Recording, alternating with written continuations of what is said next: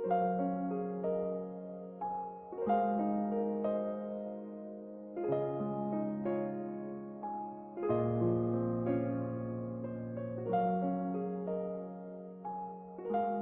الرحمن الرحيم. الليلة يومنا حيكون عن سينما ميازاكي وفيلمين Spirited Away و Princess Mononoke في البداية بنتكلم عن ميازاكي. صانع الأفلام الأسطوري هاياو ميازاكي ولد في طوكيو سنة 1941 وقضى طفولته فترة تكوين وعيه في السنوات المظلمة من اليابان بسبب الحرب العالمية الثانية. رحل مع عائلته لمدينة أوتسونوميا بسبب عدم أمان العاصمة. أبوه كان مهندس طيران بيصنع قطع غيار للطائرات الحربية اليابانية. يعني كلمة الحرب محيطة به من أي جهة من حياته. فما كان غريب أنه قصصه المبكرة في عالم المانجا كانت بتدور في عوالم ما بعد الكارثة أو ال post-apocalyptic طيب ميازاكي بدأ تعليمه في المرحلة الابتدائية في مدينة أوتسونوميا ومن عمر صغير كان بيهتم بالمانجا وكان بيحلم بتأليف عمل من نفس النوع. أثناء دراسته في مدرسة تويوتاما الثانوية شاهد فيلم اسمه The Tales of the White Serpent اللي هو أول فيلم أنمي ملون منتج سنة 1958 ومأخوذ من الفلكلور الصيني. وكان الفيلم واحد من الدوافع اللي أشعلت فيه شغف صناعة الأفلام. السبب الثاني كان المخرج أكيرا كوروساوا طيب آه ميازاكي بعد ما رجع طوكيو للدراسة في جامعة غاكوشوين تحصل عليها على بكالوريوس من, آه من الاقتصاد اللي هو في تخصص الاقتصاد والعلوم السياسية سنة 1963 طوالي في نفس السنة كانت بداية مسيرته في عالم ال animation اللي هو انضم لعملاق ال animation الياباني توي Animation. في وقته هناك اشتغل على مشاريع منها Wolf Boy Ken اللي أخرجوا إيساو تاكاهاتا و Watchdog Bow Wow. ميازاكي أخذ تقدير من منسوبي توي بعد ما حسن النص ل Gulliver's Travels to the Moon ووصل لنهاية مقنعة للنص. فرصة ميازاكي الكبيرة جات سنة 1968 لما اشتغل في مشروع Hols: Prince of the Sun اللي أوكلوا له فيه دور ال chief animator وال scene designer اللي برضه إخراج إساو تاكاهاتا السنة اللي بعدها طوالي اشتغل في مشروع Puss in Boots طيب سنة 1971 انتقل لصانع الأفلام لأستوديو A-Pro واللي اشتغل على مشاريع منها علي بابا والأربعين حرامي و Animal Treasure Island. طبعا لحد هنا بنشوف أنه أغلب الأعمال مقتبسة من الأدب الإنجليزي أو الغربي طيب في نفس السنة اشتغل على سلسلة أنمي مقتبسة من مانجا مونكي بانش اللي هو اسم اسم العمل لكازيهو كازوهيكو كاتو اللي هو الكاتب Lupin the Third وال hero Lupin the Third ذاته مأخوذ من روايات لموريس ليبلانك طبعا الوقت ذاك اليابان ما مطبقة موضوع الملكية الفكرية وحقوق النشر فكانت أمورهم ماشية يعني ما في زول رفع لهم قضية أو لآخره يعني. طيب الفترة دي اللي انتقل بيها ل... لاستوديو نيبون Animation اللي هي اشتغل فيها بقية السبعينات كانت على اللي هو Future Boy Conan اللي هو عدنان ولينا. adaptation لرواية المد العظيم اللي هي أخذت ال setting أو الخلفية حقت ما بعد الكارثة اللي هي زي ما قلنا كانت جزء من تمحور أغلب أعمال ميازاكي المبكرة وعدنان ولينا كانت بداية. طيب انضم لطوكيو موفي شينشو في عام 1979 وأخرج أول فيلم animation كامل له اللي هو Castle of Cagliostro اللي بتدور أحداثه حول Lupin the Third ذاته برضه مع مونكي بانش ك co-director سنة 1984 شافت إنتاج Nausicaä of the Valley of the Wind اللي هو كان حجر الأساس شفنا بعده إنشاء استوديو جيبلي سنة 1985 مايازاكي co-founded استوديو جيبلي منها اللي أنتج أفلام عديد منها Laputa: Castle in the Sky سنة 1986 My Neighbor Totoro سنة 88 اللي هو في السطح يبدو أنه رسالة أمل وإيجابية وفي الوا... في الباطن بتشوفنا أنه وسيلة لتجاوز الأوقات العصيبة. شفنا سنة 92 فيلم Porco Rosso اللي هو بيعكس انعكاس يعني للندم على النفس ندم النفس وتجسيد العواقب حقتها. شفنا سنة 92 Princess Mononoke اللي هو هيتكلم عنه كال بعد شوية اللي هو بتمثل لنا الإنسان ضد الطبيعة. Spirited Away برضو تجريد النفس والطبع. لحد ما وصلنا لآخر أعماله اللي هو The Wind Rises سنة 2013 اللي هي بتورينا الطموحات الشخصية لما تتخلط بقوة خارجة عن الإرادة. آه طيب الفن العظيم على العموم وميازاكي على الخصوص نادرا ما بيجوا من حتة واحدة. ميازاكي معروف أنه بيدخل عناصر من تجاربه السابقة حتى من الناس اللي حواليه من معتقداته من شخصيته وكل الأفكار اللي بتخليه مهتم بعمله. بعدين بيحيكها كلها في قصة بتعكس العناصر دي لخدمة نقاط مركزية أكتر. ميازاكي اتكلم بشكل مبسط عن أنه شيهيرو مأخوذة من بيت صاحبه وأنه عنده إيمان أنه الطفل عنده مقدرة على المضي قدما في عالم قد يبدو مخيف أو ممل بالنسبة له. يتكلم أنه المشهد بتاع روح النهر أو الريفر جاد كانت مأخوذة من تجربته الشخصية في تنظيف نهر وأنه فعلا ربط حبل حوالين عجلة عشان يسحبها بمساعدة مجموعة من الناس الآخرين. يتكلم عن تقديره واحترامه للجيل بتاع جده وأنهم كانوا بيتعاملوا مع أي شيء في دا... مع أنه أي شيء في داخله كيان أو روح عايشة بداخله وأنه الإنسان بيحترم ويقدر العالم اللي حوله. طيب عندك السبب أنه السيناريوهات والشخصيات اللي قدموها لنا في الفيلم اللي هو Spirited Away ممكن تأخذ بتتأخذ بأكثر من طريقة للتحليل لأنه هم ذاتهم بيطبقوا في الحياة الواقعية والمواقف والظروف اللي بتمر بينا ميازاكي صنعهم بطريقة أنه بنشوف ملامح أو أجزاء أو أجزاء من نفسنا فيها أو ملامح أو أجزاء من العالم اللي حوالينا. بنشوف ملامح ممكن من حاجات نكون نحن مؤمنين بها وده كله معكوس في الشاشة اللي قدامنا في الفيلم ده. طيب جزء من قوة الفيلم بتجي من قلة الحوار اللي فيه وأجزاء طويلة بتكون مكونة من مرئيات وعناصر صوتية من دون أي حوار. وده جزء من طريقة عمل ميازاكي لأنه بيخترع الشخصية وبيتقنها من دون ما تكون جزء من سكريبت نص مكتوب. حتى العمال بتاع استوديو جيبلي آه ما بكونوا عارفين الفيلم ده ماشي لوين لأنه ميازاكي بيخترع الشخصية وبيتقنها وبعد ذاك الشخصية هي اللي بتقود الفيلم. طيب آه بنشوف لأنه شيهيرو كانت بتاخد توجيهات من الشخصيات التانية من وقت لآخر. لكن أغلبية الأحداث بتكون غير مشروحة أو بتشرح نفسها براءة تلقائيا عن طريق عمل الشخصية ذاتها. هو فيلم نادر ما بوريك عن, عن أنه هو عن شنو وأنت مفروض تحس شنو. الأفلام الفيلم ذاته بطريقة هادئة بيعكس لك المبادئ وبخلينا نطلع باستنتاجات مختلفة عن أغلب شخصياته. يعني نحن ممكن ناخد أحسن مثال شخصية No-Face اللي الدوافع حقتها ونيتها الحقيقية ما مفهومة وده بيخليها مفتوحة للطروحات الشخصية. طيب نحن ممكن هسه ناخد نحلل No-Face ده بالبداية لأنه ممكن هو يكون انعكاس للمحيط حقه وبيعمل نوع من التضخم التراكمي يعني زي ما كان بيتغذى على الجشع حق عمال ال bathhouse. وقاعد يزداد في الحجم والعدوانية اللي ممكن ناخد منه أنه أنت ممكن تكون ناتج للمحيط اللي حولك أو المحيط اللي أنت فيه. طيب بالرغم من الكلام ده كله ما بيعني أنه الفيلم ما عنده نقطة مركزية أو خلفية واضحة. مع أنه Spirited Away خلي نفسه مفتوح للتطبيق في مواقف واسعة لكن بتنجح بربط الأفكار والشخصيات في في خلفية عامة. عام. اللي هي ممكن تكون لو أخذناه نحن ممكن تكون التنقية أو التطهير التحسين الشخصي. لكن ما حصر لمفهوم الفيلم. لكن ممكن نقول أنه أساس الفيلم هو كيفية إخراج أحسن ما فينا وفي محيطنا وفي البيئة اللي حوالينا بأنه نكون أحسن نسخ من نفسنا في حياتنا اليومية. وإمكانية تحقيق الحاجة دي بالعمل الجاد. وأنه ممكن نحقق أهدافنا من دون الأنانية بأنه نهتم باحتياجات الناس الآخرين. أغلب الشخصيات يعني في الفيلم بيبدو أنه بنتعرف عليهم في أسوأ حالاتهم. لكن ما بالضرورة أنه الحاجة دي صحيحة. دي ممكن تكون بالنسبة لهم لحظات ضعف أو لحظات حزن. وممكن يكون في حالة بتاعت حماية لنفسه بسبب موقعهم أو وظيفتهم. زي ما بنشوف في عمال البات هاوس حقت جيو بابا. شيهيرو في بداية الفيلم يبدو أنها متزمرة ومدللة وما عندها اهتمام أبدا بالمحيط حقها. لكن لو أخذناه من جانب تاني هي طفلة وحيدة عمرها عشر سنين. ما عندها أخوان ولا أخوات واضطرت أن ترحل من المدينة اللي هي فيها والمكان اللي فيه الذكريات السعيدة حقتها. وأصحابها اللي بتحبهم. تصل لنا في بداية الفيلم أول مشهد بعد تلاشي السواد بتظهر رسالة وورود. الرسالة من صاحبتها ليلي. مكتوب فيها أنه حتشتاق ليها بتورينا أهمية الرابط بينها وبين صاحباتها من الطريقة اللي هي متمسكة بالرسالة دي ومتمسكة بالورود اللي معها. طيب الرسالة دي عندها أهمية كبيرة في الفيلم لأنها بتحول دون نسيان شهيرو لاسمها ولو حصل كده ما كان حترجع وتقدر تنقذ أهلها يعني الدرس اللي بناخده هنا أنه أهمية التمسك بما هو مهم لنا. طيب نتكلم في أهل شهيرو شوية لأنه في بداية الفيلم برضو بيبدو عليهم عدم الاكتراث لمشاعره وحزنه.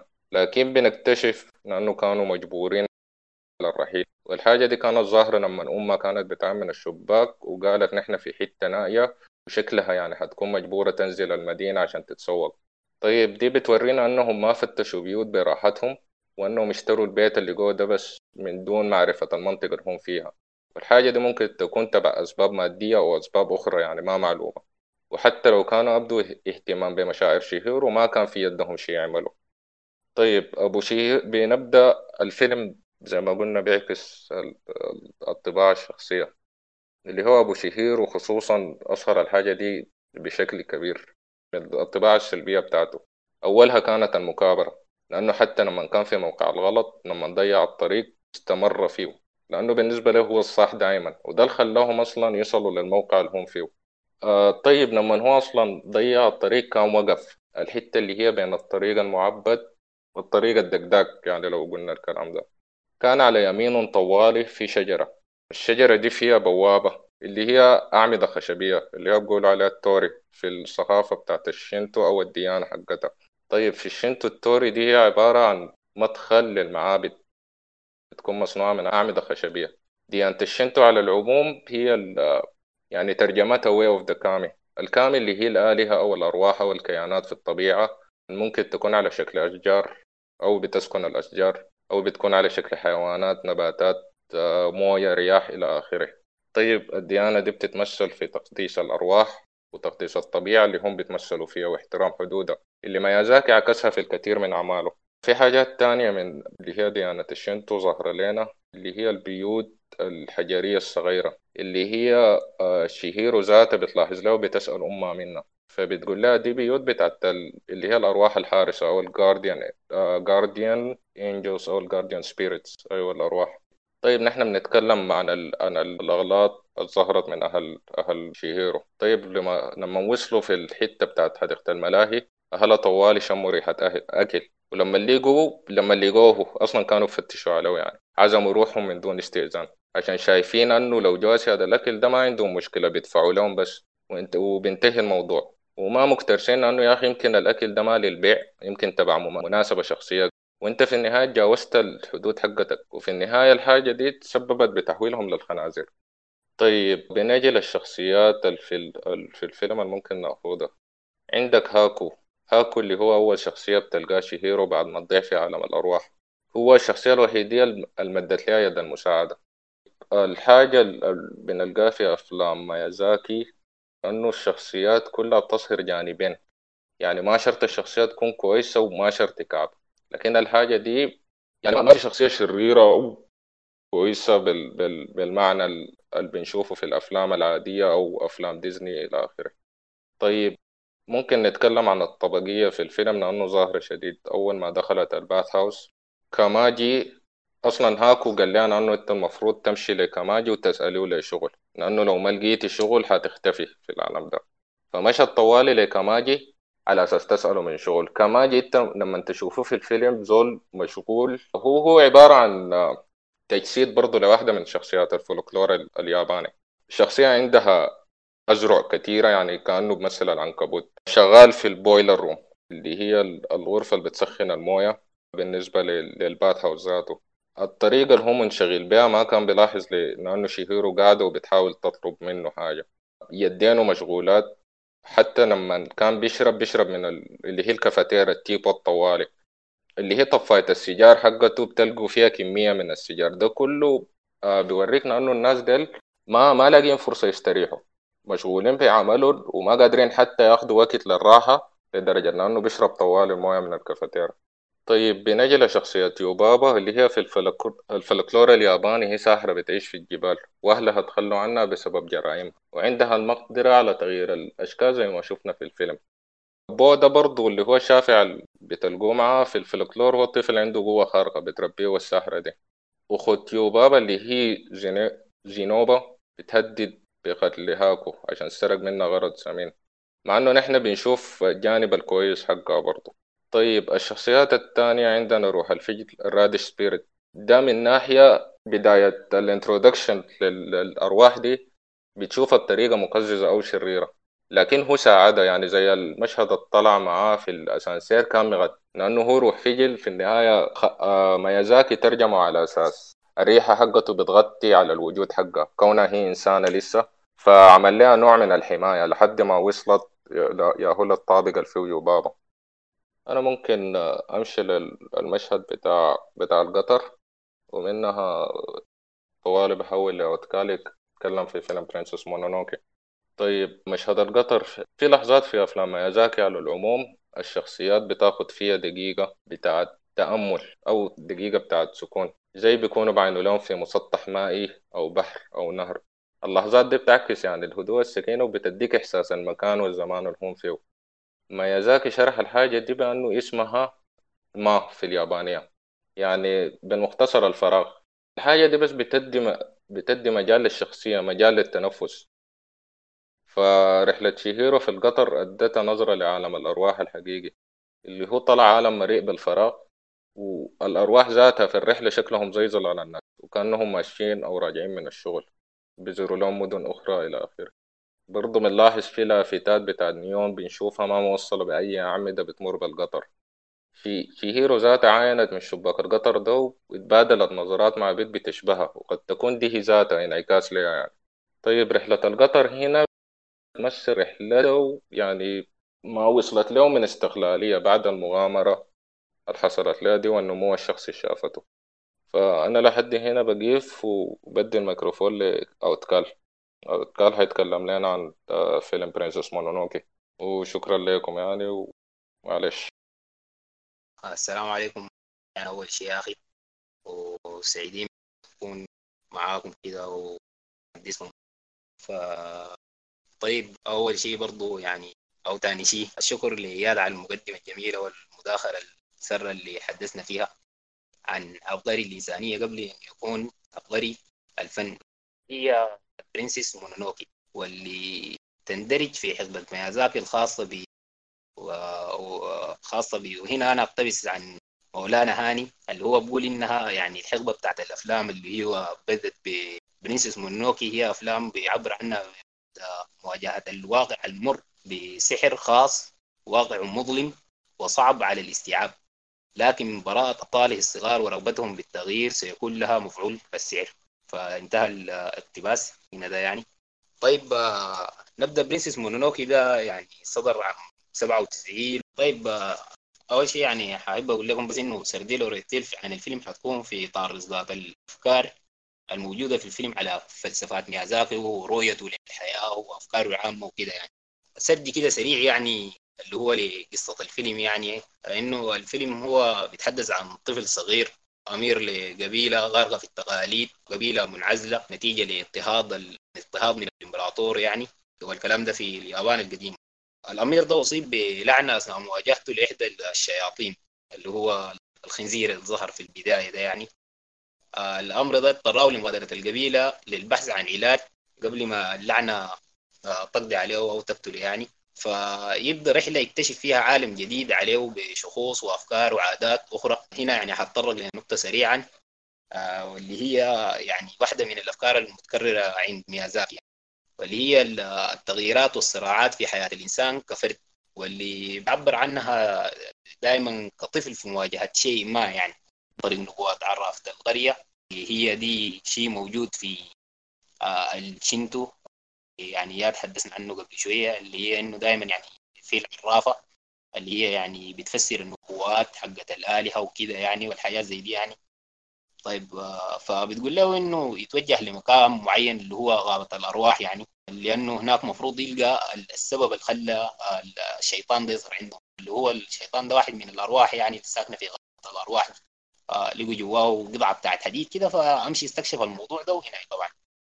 فالزول ده بيطلع من القرية وبيمر بعدة أحداث بيصل بعديها الغابة دي. وجوار الغابة دي بيلقى قرية أو مدينة صغيرة كده هي مدينة تحديد يعني. عبارة عن ناس معدنين كلهم. بيلقى في صراع كبير بين الأرواح وأهل القرية. وهنا بتحدث لب القصة بعد ملاقاته للأميرة مونوكي واللي هي واحدة من أفراد قبيلة الذئاب واللي أمها تعتبر يعني آلهة برضو يعني. ودي واحدة من المفاهيم برضو أو واحدة من واحدة من العادات أو العادات اللي هي المفاهيم الموجودة في الشينتو يعني. الأشكال يعني بتتلبس عدة أشكال من حيوانات أو جمادات إلى آخره يعني. وطبعا تعالى الله عز وجل يعني عنه يكون له شريك أو مثيل يعني. لكن هي دي ثقافات موجودة حوالينا في العالم. إيه، ننظر لها يعني بس على أساس نشوف الناس بتفكر كيف يعني. قبل ما أبدأ يعني بعد كده في السرد فبحب أقول إنه يعني الفيلم هو طبعا من أفلام الواقعية السحرية. والواقعية السحرية دي شنو يا شباب؟ الواقعية السحرية دي هي عبارة عن تكنيك أدبي غرض آه، احتواء أحداث سياسية واقعية وده بيتم عن طريق استخدام وتوظيف عناصر من الفانتازيا آه، على أساس إنه الفنان يعني يخلط لك بها الحقيقي بالخيال يعني. والعناصر الفانتازية دي يعني زي القوة والأدوات الخارقة بتكون مستمدة من الخرافات والأساطير الشعبية يعني. طبعا الغرض من كده إنه يعني الفنان إنه شنو؟ إنه على أساس إنه يخطك في حتة حيادية يعني. هو الزول ده بكون مستغل أفكاره دي من أحداث حقيقية أو بيتكلم عن أحداث حقيقية نوعا ما. فعلى أساس إنك تبقى في حتة حيادية يعني. الموضوع ده بنظرة كويسة كده. نكمل يعني في من الواقعية السحرية ذاتها لأنه أنا يعني هو ميازاكي الأب الروحي يعني للفن ده أنا ممكن أقول يعني كويس يعني الزول ده مبدع جدا في الأسلوب ده يعني ودي الحاجة اللي عملت نظمت غير الأفكار الثانية الإنسانية الجميلة اللي هو بيتكلم عنها. طيب فحسب الشيف الأوروبي أو الشيف الفني العالمي كده إنه الواقعية السحرية دي ظهرت في الأعمال الأدبية الألمانية في الخمسينيات أول مرة لكن لما نرجع بنلقى لها توظيف يعني زي قصة البساط وليلة آه قصة البساط قصة على الدين والبساط الصحي وكده يعني. طيب يا شباب يعني أنا داير أقول لكم لما نقول يعني إنه ميازاكي قصد النوع ده من الفن فما فراغ عوالي والله. يعني هو على الأقل بالنسبة لي. لأنه ببساطة كده بخليك يعني تندمج أول عنصر القوة في في الشيء ده إنه لما يخليك تندمج مع القصة والحبكة والعالم اللي بيوجده الفنان كويس؟ تحس إنه يعني ما قادر تفرز ما بين الحقيقة أو مش ما قادر تفرز يعني ما عندك اهتمام في إنك تفرز ما بين الحقيقة والواقع. كويس؟ طيب يعني أنا أديكم مثل كده شخصي اللي هي مثلا قصة قطر الموية في الفيلم بتاع Spirited Away اللي اتكلم عنه إياد قبل شوية. يعني أنا بتذكر لما حضرت لما حضرت الفيلم ده زمان يعني هاي اللقطة كانت بديعة يعني حاجة كده خيال جميل. لكن شنو؟ يعني جد ما ما حكاية يعني ركزت كده إنه والله شيء ده خيالي يا اخواننا كده وهنا. لا أنا ما أهتم بيها كثير يعني. لأنه يعني خلاص أنا مندمج زي ما قلت لكم يعني كويس في القصة. في حتة تانية ظهرت فيها لقطة زي دي اللي هي للناس اللي حضروا ون بيس يعني. اللي هي في Water 7 برضه كان في قطر الموية. يعني أنا لما اقارن بين تفكيري في أو نظرتي بين المشهدين ديل فاختلاف كبير يعني. كويس. يعني حتى في الفيلم بتاعنا ده الليلة ممكن يشاطرني الرأي إنه ما احس ركوب أشيتاكا اللي هو البطل في غزال شيء غريب يعني. ليه؟ لأنه الزول ده بكل سرعة دي يعني ما اداك فرصة أنت تفكر في الشيء ده كثير دخلك في دخلك في القصة جدا جدا لأنك أنت خلاص دخلت في حالة الاضطراب إنه الزول ده جاري في حاجة حاصلة وكده. يعني خلاص إنه أوكي أي خلاص تفكر إنه خلاص الزول ده راكب لكن في حاجة مهمة حاليا أنا المفروض أركز عليها أكثر فميازاكي في الفيلم هو ده داير يوصل رسالة. الرسالة اللي هي واحدة من أفكاره الأساسية إنه الحرب دي شيء مقرف يا اخوان ميازاكي من أكبر دعاة السلام يعني أو واحدة من رسائله الخالده ودائما بيحاول يعكسها حكاية الحرب والسلام يعني. فهو الزول ده بقول لك الفكرة من الفيلم يعني في اعتقادي إنه بقول لك إنه الحرب دي شيء مقرف مقرف. ما بيغذيها إلا الشرور الكامنة فينا. وإلا انه وإلا فمساحات الالتقاء ممكن توجد. أساس لك هو أداك حرب قايم على صراع موارد كويس ما بين أهل قريه الحديد واللي هم ديل ناس يعني جيعانه يا إخوان جوع كده مبالغ فيه. أفلس وأفقر وأجوع من فارق الجامعة اللي بيقول عليه معتز فقيري يعني. كويس؟ فالناس دي جاتهم واحدة قامت ساعدتهم ونشطتهم وكبرت لهم موضوع شغل الحديد ده وكده وقالت لهم يا إخواننا والله عشان إحنا إحنا حنعبر وحننتصر يعني. وفعلا انتصرت يعني عن طريق التغول على الغابات الجنبهم وجعلها مساحات للتعليم. هنا واحد من الأوجه اللي مرر بها يعني اللي مرر بها نظرته السلبية للعولمة يا إخوان. الزول ده هو يعني إنسان موغل في التقاليد اليابانية لاقصى درجه يعني فدائما بيحب شنو يمرر اجنده ضد العولمة والحياجات دي يعني والحضارة الإنسانية المادية الحالية دي. طيب زي ما قلنا مقابل اعتزازه بجذوره اليابانية المستمدة من شينتو واللي بتقدس الطبيعة وكائناتها وبتنظر لهم كمساوي. خلينا نقول طرف فصيل في الحياة دي. آه يعني مثلا لما جاء الشيطان الشيطان وهاجمهم وأشيتاكا قتلوا بنلقى إنه العرافة انحنت احتراما له يعني وتلت لها صلاة كده يا أخواننا. وقالت لي معناه يعني إنها أتمنى إنه ينام في سلام اللي هي rest in peace فدي هنا ده برضه رسالة يعني اللي هي سجل اللي بتسجل. RIP آه طيب. آه وعلى عكس يعني أهل مدينه الحديد اللي هم مستعدين أو دايرين يعني يقتلوا حتى الآلهة الساكنة في الغابات اللي حولهم دي على أساس إنهم يزدهروا أكثر يعني. فكأنه بيقول لك يا أخي حاول يتفهم موقفهم أو آه موقفهم أو حوجتهم دي يعني. ووضح لك آه في واحدة من المشاهد يعني آه واحد من الغرويين بيحكي عن ماضيهم. فالشيء ده بيبان بوضوح يعني هنا. كويس إنه الناس دي يعني كانت حالتها كحيانة جدا وهم لهم حق يعني يعيشوا ويقدروا يأكلوا كده يعني. هو ما داري يبرر لك لكن عشان تتفهم يعني. إنه الزول ده هو دايما بيحاول يقول لك يا أخي حاول تفهم الزول اللي أنت ضدك ده يعني. دي واحدة من الحاجات اللي هو بشوفها إنه حاجة مهمة في الإنسان. إنه يعني حتى أنت حاسس إنه الزول ده غلط لكن حاول يتفهم ليه. اللي هو زي ما قلت لكم يعني أنا في اعتقادي هو جابه أو هو جابه عشان إنه شنو يعني ما يبرر به لكن عشان تتفهم موقف الجماعة دي نوعا ما. في نفس الوقت يعني على أساس إنه يعمل به حاجز ما بين الغرويين وأميرة الحديد في نظرك عشان يقول لك شنو الزول المعلم ده يقول لك شنو. يقول لك إنه الجشع الحقيقي مع أهل الغابة دي اللي هو داير يكتسحهم هي الأميرة اللي بتعال الصراع ده من باب مد النفوذ والكسب. لكن الغرويين راضين ومبسوطين يعني بوضعهم الحالي. فهنا مفترض طبعا أي زول يقول يعني معناها مرتاح. أمير الأميرة ذاتها الجشاعة ده سبب إنها عايزة تقوى عشان تحمي قريتها وأهلها لأنها في صراع مع واحد من الإقطاعيين ده يستولي على أرضها.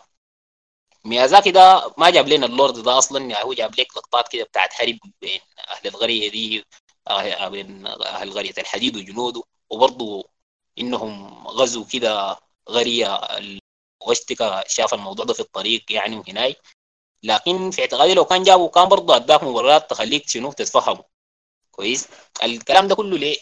الكلام ده كله لأنه الزول ده يا اخواننا يعني اللي هي فلسفة الشنتو يعني أو مبادئ الشنتو اللي هي بتقول شنو يا اخواننا؟ إنه يا أخي ما في إنسان كامل كويس ما في إنسان خير بالمطلق أو شرير بالمطلق يعني. الشر والخير ده الموجودات فينا وفي أحداث شنو؟ هي اللي بتخليهم شنو؟ بتخليهم يعني يندفعوا للسطح يا إما كخير أو كشر. فزي ما قلت لكم هنا يعني قبل شوية أميرة الحديد الزول ده الزول ده يعني بين لك إنها الزول دي عندها هدف يعني أكثر من الجشع هي حماية أهل قريتها يعني. طيب نكمل إنه في الطرف الثاني من الحرب يا إخواننا في أهل غابة الأرواح واللي هم فصائل الحيوانات الساكنه في الغابة دي. كله فصيل بتتزعم روح عظيم. وفوقهم كلهم في روح الغابة واللي هي ما طرف في الصراع رغم يعني إنها مصدر الحياة للغابة دي.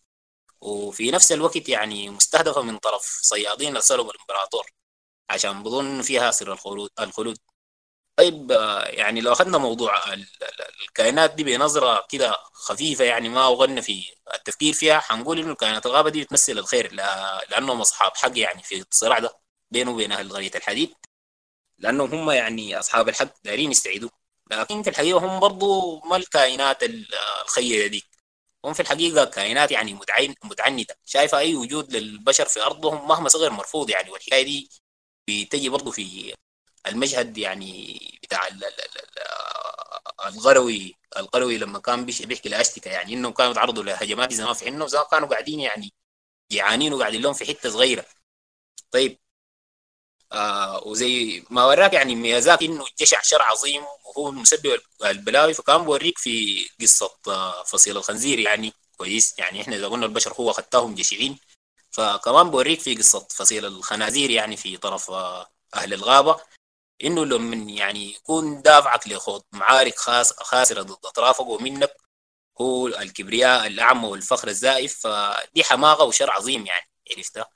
وبتسبب مجازر شنيعة جدا. يعني حتى لو كان الدليل على شجاعة منك لكن الشيء ده خاطئ يعني. فصيل الخنازير ده مستمد من الميثولوجيا اليابانية. ويعتبر واحد من الأبراج ال 12 يعني في التقويم حقهم. وفي الحقيقة يعني هو من صفاته الكبرياء والحماقة يعني زي ما جايبه في الفيلم. فده إيغال جميل كده يعني بالنسبة لي في التمسك بالجذور عند السان ده يعني. الحتة بتاعت قصة الخنازير دي بالتحديد يا أخواننا أنا يمكن ده أكتر جزء محزن في القصة وبالنسبة لي يعني لأني يعني بظن إنه ميازاكي للناس الحضراء أنا بظن يعني جد جد إنه ميازاكي بيستعير قصة الخنازير دي وفنائهم ده عشان يعبر بها عن رؤيته لهزيمة لهزيمة اليابان بلده في الحرب العالمية الثانية. يعني اليابان هي كانت داخلة في صراع كويس هي طرف يعني موازين القوة ما في صالحها لكن الناس دي اندفعوا زي ما اندفعت الخنازير ضد البشر عرفتها برغم إنهم شايفين الموضوع يعني هو في الغالب خسران معاهم. وفعلا يعني يا هو كانت نهايته مدمرة وحزينة جدا جدا. فأنا معتقد يعني إنه الزول ده دي رمزية منه كده للحرب يعني.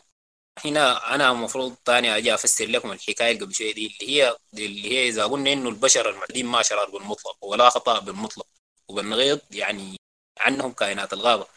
الرصة شنو قلنا الرصة؟ انها بترجع بالأساس لغيم ميازاكي المستمدة بالشنتو يعني. كويس؟ أنا معتقد النقطة دي منطقة وسط يعني. إحنا العنف نتعاون نتغير سوى للأحسن يعني. آه الجزئية الأخيرة دي بالتحديد يعني أنا حانطلق منها لطريقة المعالجه المعالجه اللي اقترحها ميازاكي يعني واللي تتجسد في شخص اشتيكا البطل. وتظهر يعني بالنسبة لي بجلاء في المشهد الأخير اللي بيفترق فيه اشتيكا ومونونوكي يعني اشتيكا قرر إنه يواصل مسعى التغريب بين الطرفين ما عشان يصلوا لمرحلة وئام وحب وحلول شعرانية زي ما بنشوف في القصص والأفلام وكده بل يعني إنه على أساس إنه يدفع كل طرف يتنازل ويصلوا لاسم ترضيهم الاثنين منها يبدوا يتعاونوا ومنها يبدوا يتعاونوا فالناس اللي هم يعني بيشوفوا إنه يعني دي التحديد هنا يا أخوانا دي تمرير اجنبه واضح وصريح يعني. الناس اللي بيشوفوا هنا أفلام الأنمي دي, دي سطحية وهبلة يعني. بحب أقول لكم يعني الأفكار اللي قبل شوية دي كلها أفكار واقعية يعني كان بيطرحها ميازاكي. وغيرها كثير يعني وأعمال فنانين ومخرجين حقين animation تانيين يعني عندهم حياه جميلة جدا. لكن بالتحديد يعني الفكرة دي يا أخواننا يعني هي فكرة جميلة يعني لأنها شنو؟ قمة الواقعية وقمة المشهود يعني في أرض اليوم. الفكرة دي يعني حقت الحل حقت القسمة والتراضي والتعاون دي يعني هي مستقاه من الفلسفة بتاعت جون لوك الفيلسوف جون لوك يا أخواننا. آه الفكرة هنا والفكرة للوك بتقول يعني إنه الأحرار يعني دي الفلسفه كانت بتاعت لوك إنه الأفراد الأحرار بإمكانهم دائما يهربوا من مخاطر الفوضى والصراعات كويس من خلال التعاون مع ما بينهم ما بين بعضهم البعض يعني من أجل شنو؟ تبادل المنافع يعني. واللي هي يا أخواننا يعني ده السياسة العالمية حاليا يعني بغض النظر عن رايي إن فيها كويسة كعبة إلى آخره لكن هي قللت الصراعات إلى حد ما يعني. عموما ده أمر بتروح للنقاش يعني وجهه نظر الناس لكن يعني عشان تشوفوا الأمر تحديد يا إخواننا بتغضني لي رؤية فكرت فيها كويس رؤية دي راودتني عن الفيلم. واللي هي إنه تقريبا يعني أنا الفيلم ده حسيت إنه ممكن يكون مقتبس عن الصراع ما بين المستوطنين الأوروبيين والسكان الاصليين لأمريكا الشمالية. صراع متجسد في قالب فلكلوري ياباني يعني. لأنه لو اسقط أسقطنا الأفكار اعلاه بمجمله كده على الصراع ده بنلقى تشابه من خصائص الطرفين الاصليين للصراع في أمريكا الشمالية زمان يعني.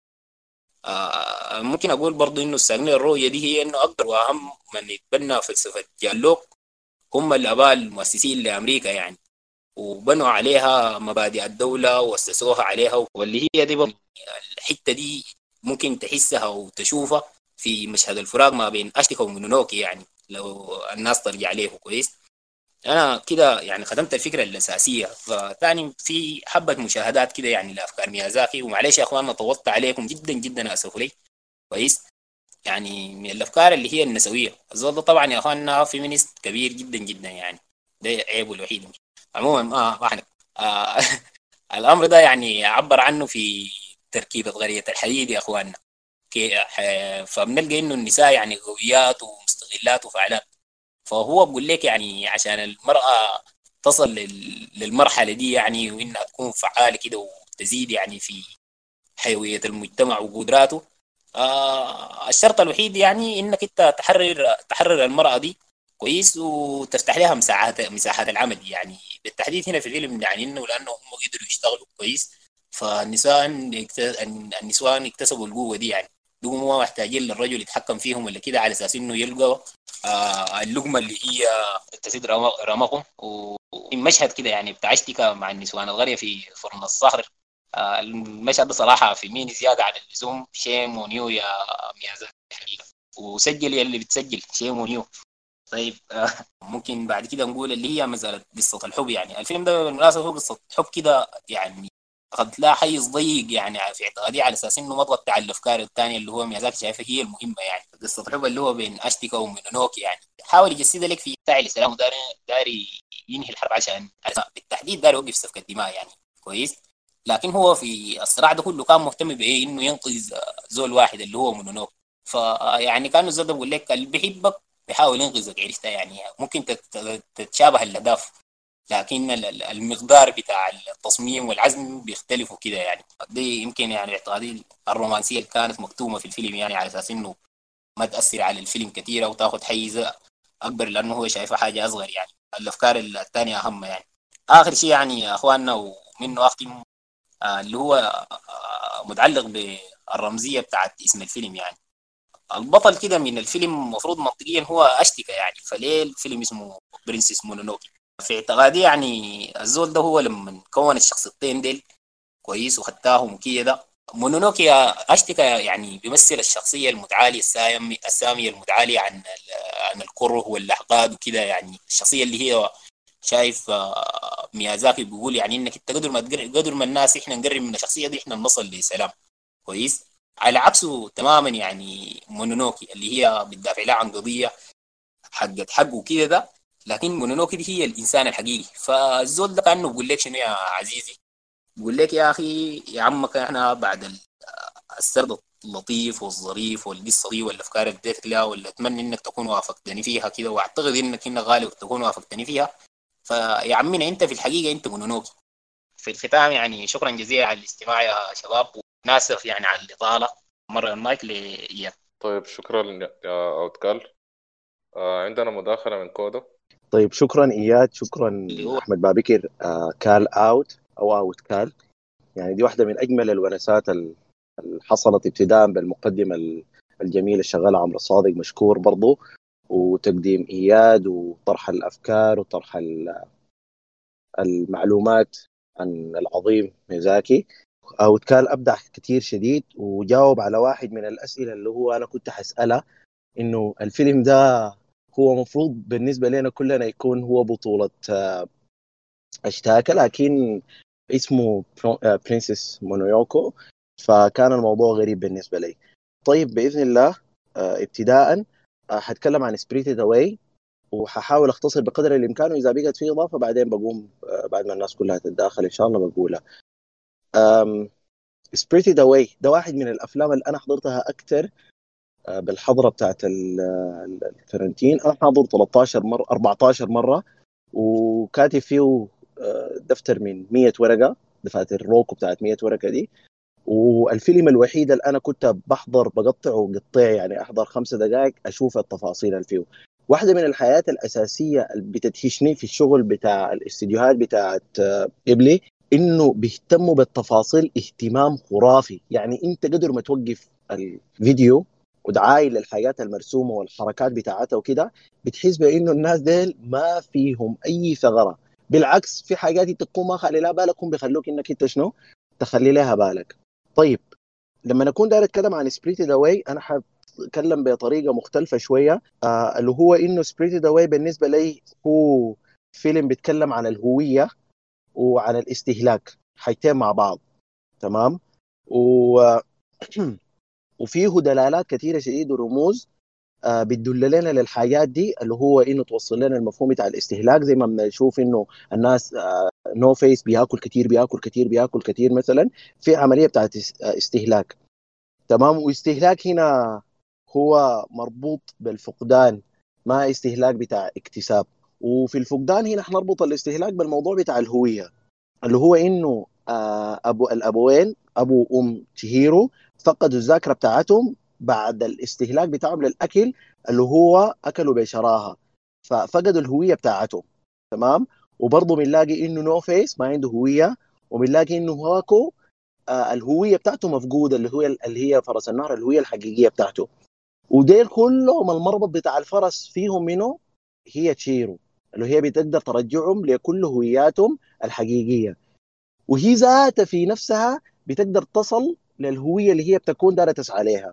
هي عمرها تقريبا عشر سنوات آه لو ما غلطت. واللي هي دي الفترة اللي بينتقل فيها الزول من مرحلة الطفولة لمرحلة الرشد خلونا نقول اللي هو فترة المراهقة. الفترة دي في العلوم بيقولوا عليها البينية اللي هو الليميناليتي تمام؟ اللي هي حاجة بتوصف المراحل الانتقالية. وربنا يوفق ناس الحكومة الانتقالية. تمام؟ بتوصف المراحل الانتقالية. وهو عبارة عن زي حاجة كده انت بتعبر فيها. وحتى لو لاحظنا ان إحنا في الفيلم في التفاصيل بنلاقي انه في عبور بتاع جسر في عبور بتاع اسانسير في عبور بتاع سلالم في رمزيات صغيرة صغيرة صغيرة بتكون دلالة على شنو؟ على انه في حاجة بتاع عبور. تمام؟ أكثر حاجة في العلوم واضحة إنه العملية بتاعت العبور دي فيها هي المرحلة بتاعت المراهقه اللي هو إنه الزول من الطفولة انتقل للمرحلة بتاعت الرشد تمام؟ اللي هي ممكن إن إحنا نقول إنها زي الوصف اللي هو نو فيس كان قلت دودة القز إنه الزول بيتحول من يرقة لفراشة وهو قاعد في الفترة بتاعت الشرنقة اللي هو إنه لا كده لا كده. تمام؟ لما نرجع لل... لل... لل... للافتقار في الهوية اللي بتحصل بيكون غالبا في الفترة بتاعت الشباب والفترة بتاعت المراهقة اللي هي الفترة اللي بيكون ما الزول إنه يكون من طفل إنه يبقى زول راشد. فالفيلم كله واحدة من التأويلات اللي بتفق معاها إنه هو ماشي في أماكن متفرقة وأماكن انتقالية بحيث إنه نحن نقدر نصل مع تشيهيرو للذات بتاعتها الحقيقية أو الرشد أو النضج. تمام؟ وبنلاحظ دائما في إنه ميازاكي بيحاول يوصل لنا الأفكار دي بالعلاقات سواء العلاقة بتاعت الزول مع ذاته أو العلاقة بتاعت الزول مع أهله تمام؟ حتى الفيلمين بيتقاطعوا في الحياة دي أو العلاقة بتاعت الشخصية بتاعتنا أو أي واحدة من الشخصيات الموجودة في الفيلم مع الناس اللي حوالينه زي ما عرج أو اتكال في الحقيقة اللي هو علاقة بتاعت حب أو خلونا نقول علاقة بتاعت صداقة.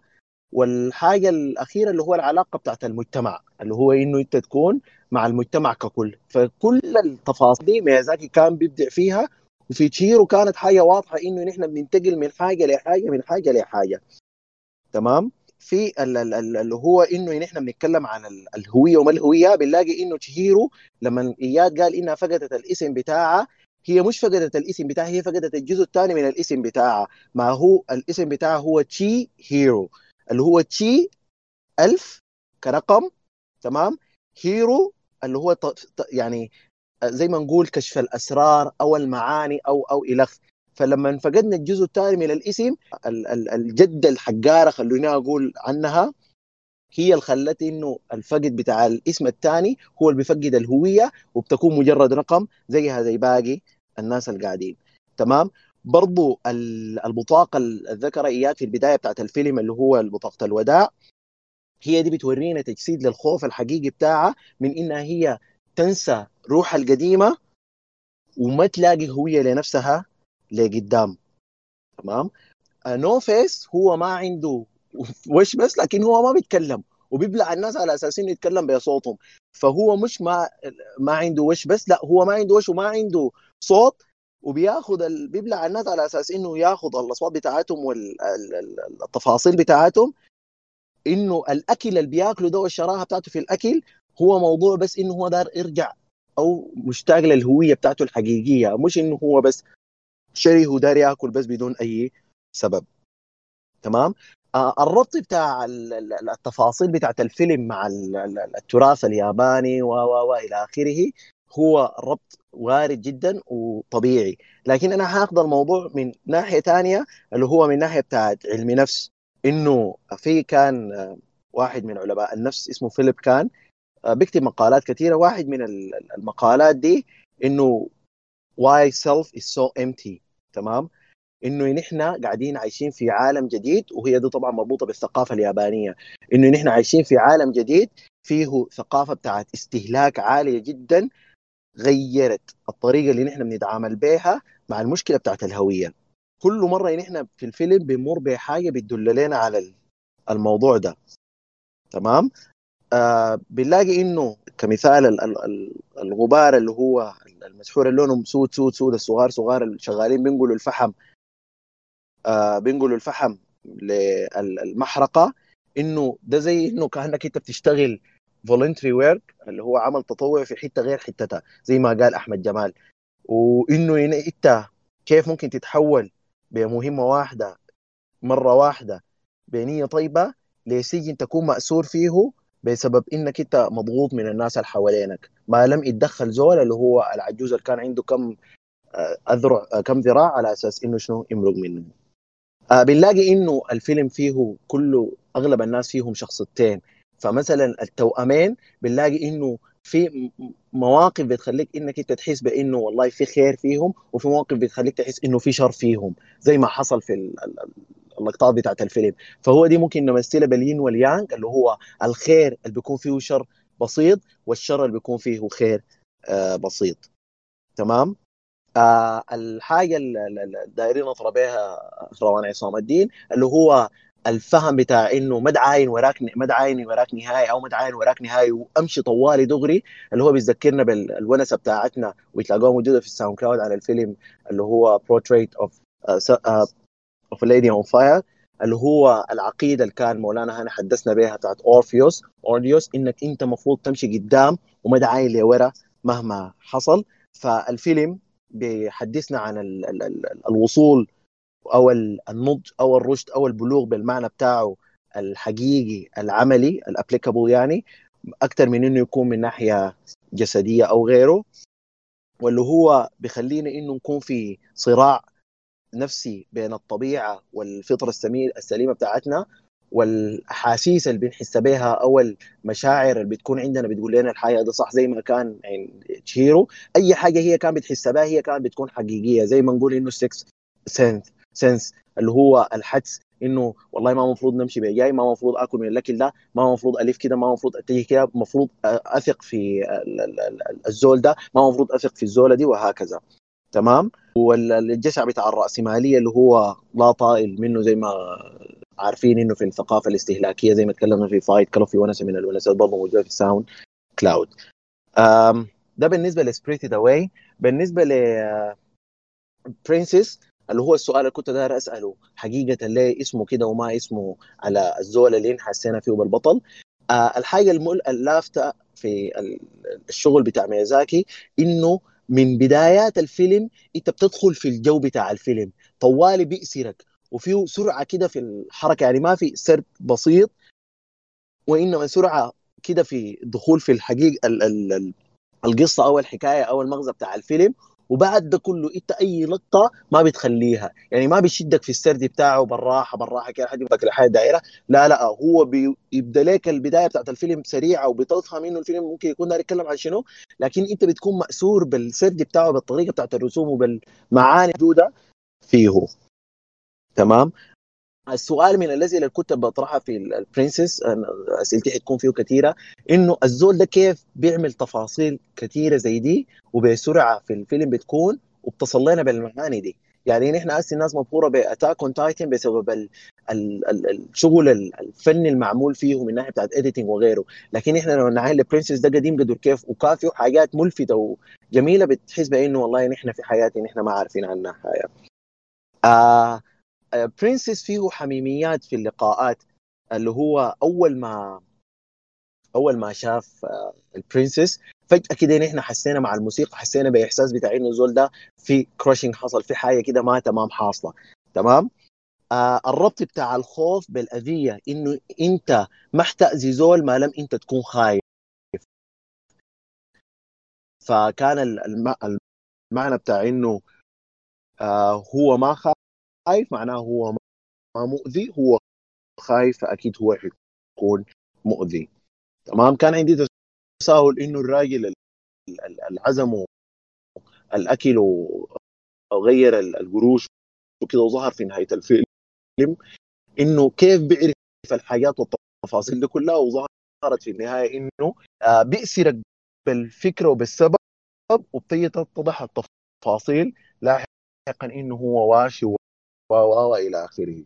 في كوميديا في الفيلم وحاجة لطيفة جدا زي الزول اليد مكسورة وكيف إنه مع حبيبته بيتعاملوا بتعامل كده مضحك وإنهم بيستهزئوا ببعض لكن المحبة لسه قاعدة والمحبة في مكانها على الرغم من البلاوي اللي كانت بتعمل فيها. اللي هو الكلام اللي قاله أو كان كنت أتكلم عنه مشكور جدا إنه وضحه بصورة كويسة اللي هو الحركة النسوية اللي اظهرها في الفيلم وإنه قدر كيف إنه هو بيحاول إنه كان يساعدهم وهم مبهورين به من ناحية معينة لكن هم لسه still مأسورين في الحتة دي ومقدرين إنه كيف السيدة دي قدرت تطلعهم من الحاجات اللي هم فيها وإنه الرجال بتاع إنهم بيمشوا هم شغالين لكن still هم مبسوطين بالشغل اللي قاعدين فيه واللي هو فيه تغطية للموضوع بتاع الثورة الصناعية والراسماليه و إلى آخره. الجميل في الموضوع إنه زي ما قال أو قال إنه إنه ميازاكي بيحاول إنه يكون رسول سلام ورسول محبة. فبنلاقي إنه التعاطف المحبة وإنك أنت تكون بتمد يد العون و إلى آخره دي واحدة من الحاجات اللي بتخلي إنه العالم يمشي لقدام والعالم يكون أحسن من وجهة نظره زي ما وضحت في الفيلم. في في التصوير في حركة كده كان بيعملها في برنسس إنه بيطلع الكاميرا بتطلع من الأرض وبتطلع لفوق براها كده بتمر بالاشجار العالية وبتمر بتطلع فوق للسماء. اتكررت كم مرة. عندها مغزى إنه المفاهيم بتاعت الأرواح والآلهة و إلى آخره بالنسبة لي. آه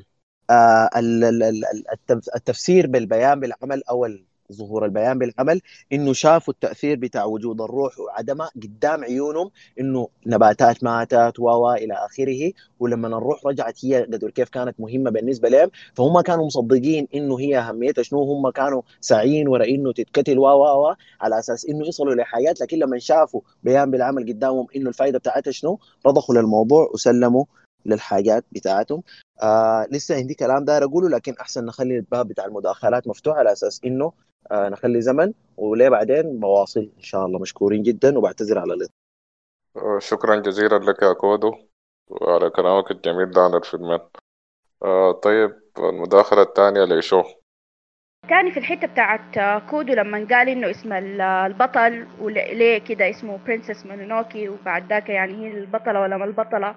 فأنا بالنسبة لي بشوف الحتة دي فيها تقاطع شديد مع الحتة بتاعت Spirited إنه هم الاثنين البطلات بتاعون الفيلم وإنه هي ذاتها بتمر بمرحلة بتاعت استكشاف لذاتها خصوصا في الحتة لما قامت قالت له يعني أو هو كان بغالط فيها إنه هي من الذئاب ولا هي من البشر وهي كانت تايهة في الحتت دي شديد فهي عبارة عن رحلة استكشاف للبطلتين.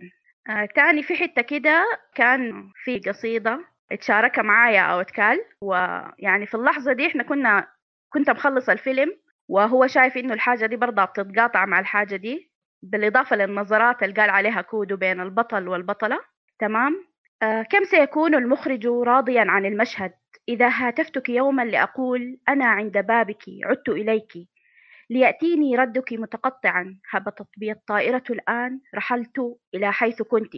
طبعا الفيلم ما فيه طائرات لكن يعني هو مشى لها يعني لحد عندها في الغابة. كل مرة أدخلنا القدر لعبة الأشياء الصغيرة. خرجنا بخسارات كثيرة. اليوم تعلمنا أن نرهن كل شيء لنكسب شيئا واحدا كبيرا. سأسألك سؤالا تجيب عنه بآخر يجيب سؤالا ثالثا وسنفهم. أترك الجملة في منتصفها. ككونشيرتو تنقصه آلة وترية. تنتظر أن أكملها بنفاذ صبر ثم تلقي بها بعيدا إلى الصمت.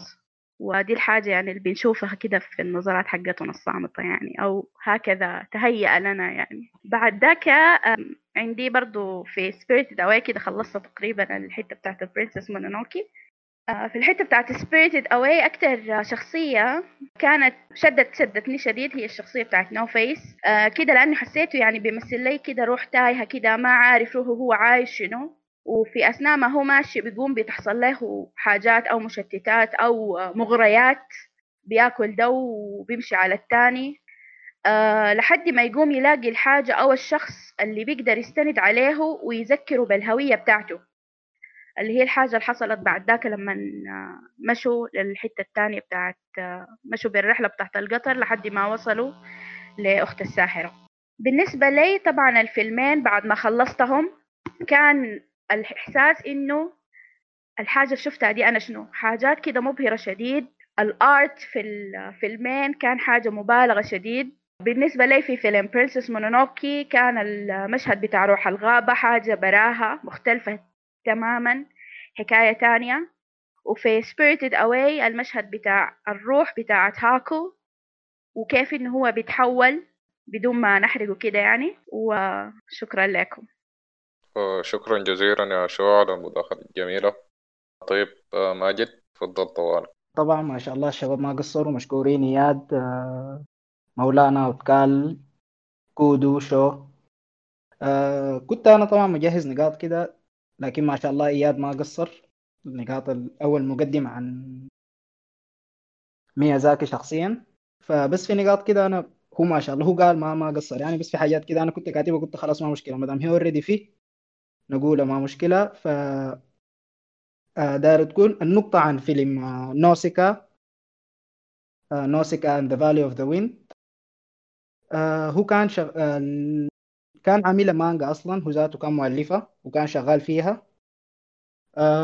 فبعد ما طلع من TMS Entertainment الاستوديو بتاع TMS Entertainment في واحد اسمه توكوما ياسيوشي توكوما. ده عنده دار نشر هو اللي شجعه إنه يعمل نوسيكا لفيلم وفي الأول ميازاكي ما كان موافق لكن يعني وافق بشرط إنه كان يبقى ال director بتاع الفيلم. وهو عنده صديقه تاني اسمه تاكاهاتا ده كان شغال معاه في من هم في Toei Animation أول استوديو اشتغلوا فيه.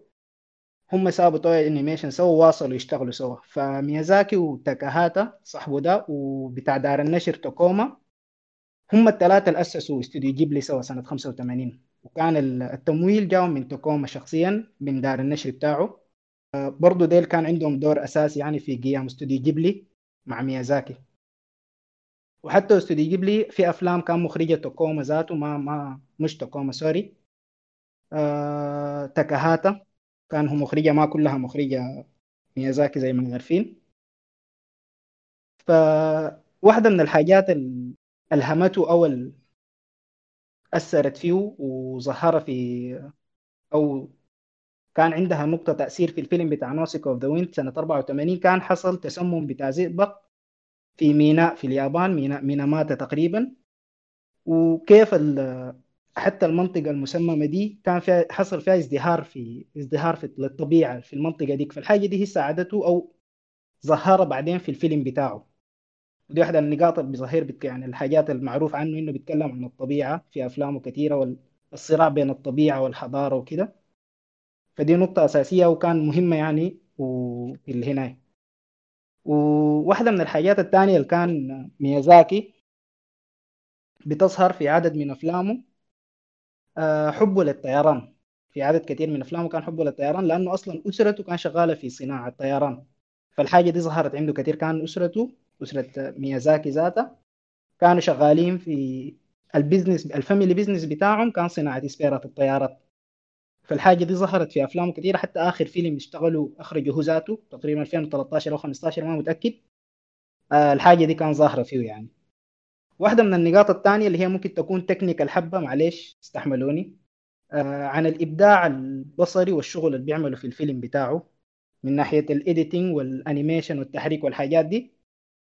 في فيلم نوسيكا الحاجة دي الإنتاج أو إخراجه من الفيلم ده كان قبل ما يخش الكمبيوتر يخش في مجال إنتاج الأنمي. فكل الإبداع اللي حصل فيه ده كان إبداع من الرسومات أو مجهود يدوي بحت.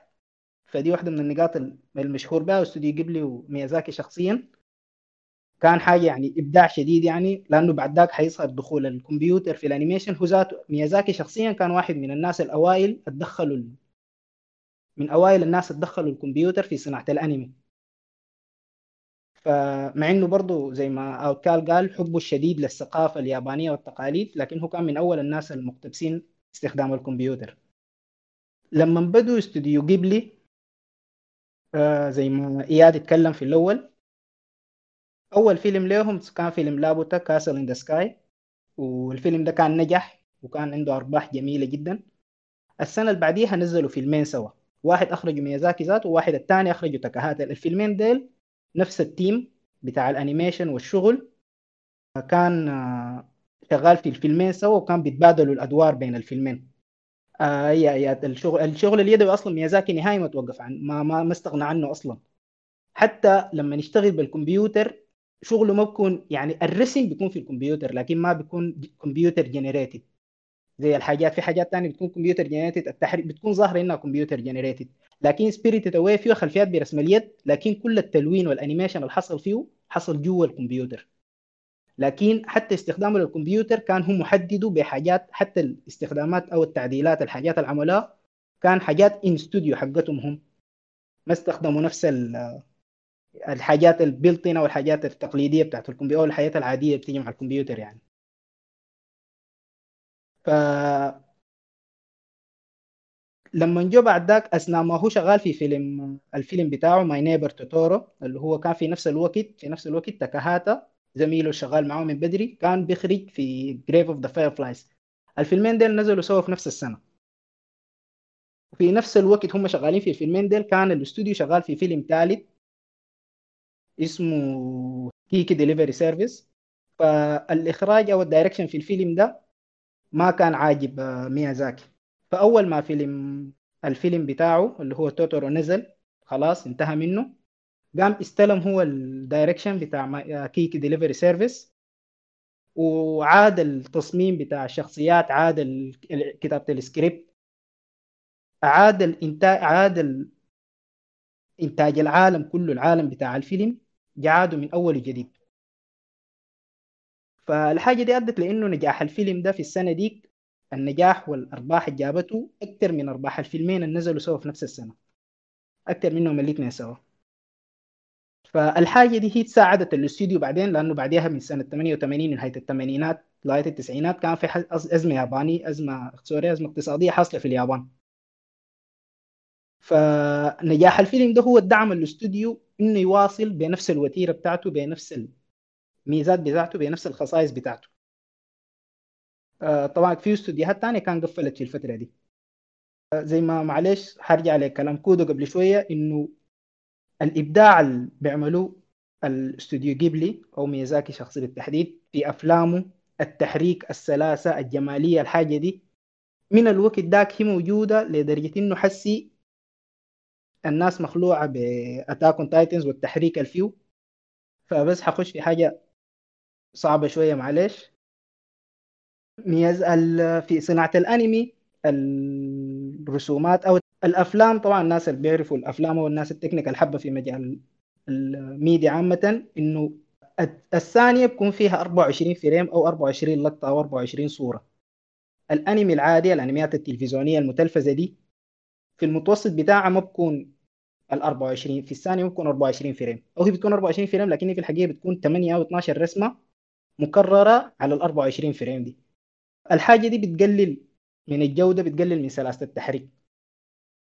فالأفلام بتاعت الأنمي ما ما ما بيشتغلوا بالطريقة دي بيشتغلوا بالطريقة يعني بيكون عشان تكون في دقة عالية وسلاسة عالية بيكون في الثانية الواحدة في 24 رسمة. يعني دق دقة عالية يعني. بدل ال- المشي الزول الماشي عادي بيكونوا في الثانية الواحدة رسمين 24 رسمة للهنا ده عشان بيكون عشان كده التحريك بيكون سلس شديد ما زي الأفلام الثانية زي للناس اللي بيحضروا لقطة في Attack on Titans الجزء الثالث تقريبا لما ليفاي هارب من ال team بتاع كيني اللقطة دي لما جو سألوا ال- الزول المسؤول من التحريك بتاعه اسمه أريفو ميفاي تقريبا ما متأكد الاسم صح ولا لا. سألوه إنه أنت عشان المشهد يطلع بالسلاسة دي عملت كم رسمة؟ وهو كان المسؤول الأساسي من الرسم والتحريك في هنا ده. فهو الكم اللقطة الكم ثانية دي بتاعت ليفاي دي هو راسم ما لا قال أقل راسم 700 رسمة عشان المشهد ده يطلع بالدقة والسلاسة والوضوح ده. ف يلا تخيل إنه ديك عشان حاجة بتاعت كم ثانية هو رسم ال 700 رسمة عشان الموضوع يطلع وما خلى الناس مبتدئين أو الاعضاء أقل منه الناس ال... عشان داير المك... اللقطة دي بالتحديد كان دايرة تظهر بكل الدقة دي والوضوح ده. فالحاجة دي بنفس يلا بنفس الطريقة دي أفلام ال animation وأفلام غيبلي بالتحديد بيكون فيها الدقة دي على طول مشاهد الفيلم. عشان كده دائما أف- الأفلام الزي دي بتكون يعني التحريك فيها بيكون بالسلاسة دي بيكون بالجمال ده. حتى عنده مقولة في ذاته ميازاكي ذاته إنه الناس اللي بيرسموا الأنمي ديل ال animators ديل هم ممثلين. فالتمثيل يعني هو هاي الناس الأصوات هم ممثلين لكن هو ميازاكي قال الناس الرس بيرسموا وال animators هم ممثلين لأنه آه تعابير الوجه الحركات الصغيرة الجري التفاصيل بتاعت الشخصيات دي هم بيوضحوها قبل ممثل الصوت هم هم اللي بيجذبوك. هي الحاجة اللي انت بتشوف أول شيء. دي واحدة من الإبداعات أو الحاجات اللي ميازاكي ماخذها في إنتاجه. في نجي مثلا ل Princess Mononoke عشان نشوف التدقيق بتاع التفاصيل بتاع ال animation بتاع ميازاكي. الفيلم ده كان فيه 140 ألف animation cel الفيلم كله كان فيه 140 ألف animation cel ميازاكي هو كان شخصيا مشرف على 84 ألف منهم. فدي بالنسبة له هو كان ماسك ال directing بتاع الفيلم كله في موضوع ال animation كان مشرف على أكثر من 70% ال animation cel دي هي يا مهتدي هي التفاصيل بتاعت التحريك هي الرسمات اللي فيها تحريك اللقطات اللي فيها تحريك يعني إذا أنا فهمي صح. هي يعني تحرك الشخصيات وكده. فهو كان مشرف على 84 ألف. ده يعني الحاجة دي بس بتوضح إنه كيف ميازاكي بدقق في التفاصيل ومجتهد عشان الحاجة بتاعته الحاجة بتاعته تطلع بالجمالية وبال perfection اللي نحن شايفينه ده. ففي نقطة أخيرة بس داير أقول عن Princess Mononoke ذاته إنه Princess Mononoke دي القصة هي حقته ذاته وكان بدأ يألف فيها وبدأ يكتب فيها من السبعينات. لغاية ما جات كملها وبقت فيلم وطلعت سنة 97 ففي نقطة في ملاحظة كده إنه هو شغال في التأليف بتاع القصة حصل له writer's block في النص كده سنة 95 أو 96 وهو شغال في القصة. فكان مش اشتغل animation music video صغير كده فقام جرب فيه ال computer animation إنه يستخدم الكمبيوتر في ال animation. جا بعد ذاك رجع للحاجه اللي دي استخدمها في Princess Mononoke وساعدت كثير في في تسريع العمل. فحتى كان يعني دخلها فيه لكن كان برضه ما ما ما ما, ما, اعتمد على الكمبيوتر 100% لكن استخدمها عشان يجمل أو يكمل العمل الأنيميشن التقليدي بصورة أحسن يوضحوا بصورة أحسن من كده. كتر خيركم ما أظن في حاجة تاني. وشكرا جزيلا. تمام شكرا جزيلا يا مجدي. طيب بعد نفتح الباب لمولانا هاني. تفضل يا مولانا. يعني اولا بجد يعني أذكر الشباب كلهم والله يعني كل ال insights اللي تقدمت كانت ممتازة جدا جدا. يعني غطوا على كافة الحاجة اللي بتخص بالسينما المؤلف مولانا ميازاكي. وشكرا يا مجني بالمناسبة. دي كانت الحتة الناقصة اللي على أساس الناس ما متخيلين إنه ميازاكي بس عبارة عن animator هو storyteller وفي نفس الوقت إنه إنه هو أصلا أصلا عظيم ك animator يعني. هو اللي عمل ال يعني ال business بتاع الانمي وال animation في اليابان لمدة جيل جيل ونص تقريبا كله قايم على كله قايم على على ال legacy بتاع ميازاكي وتكاهاتا يعني مخصوص.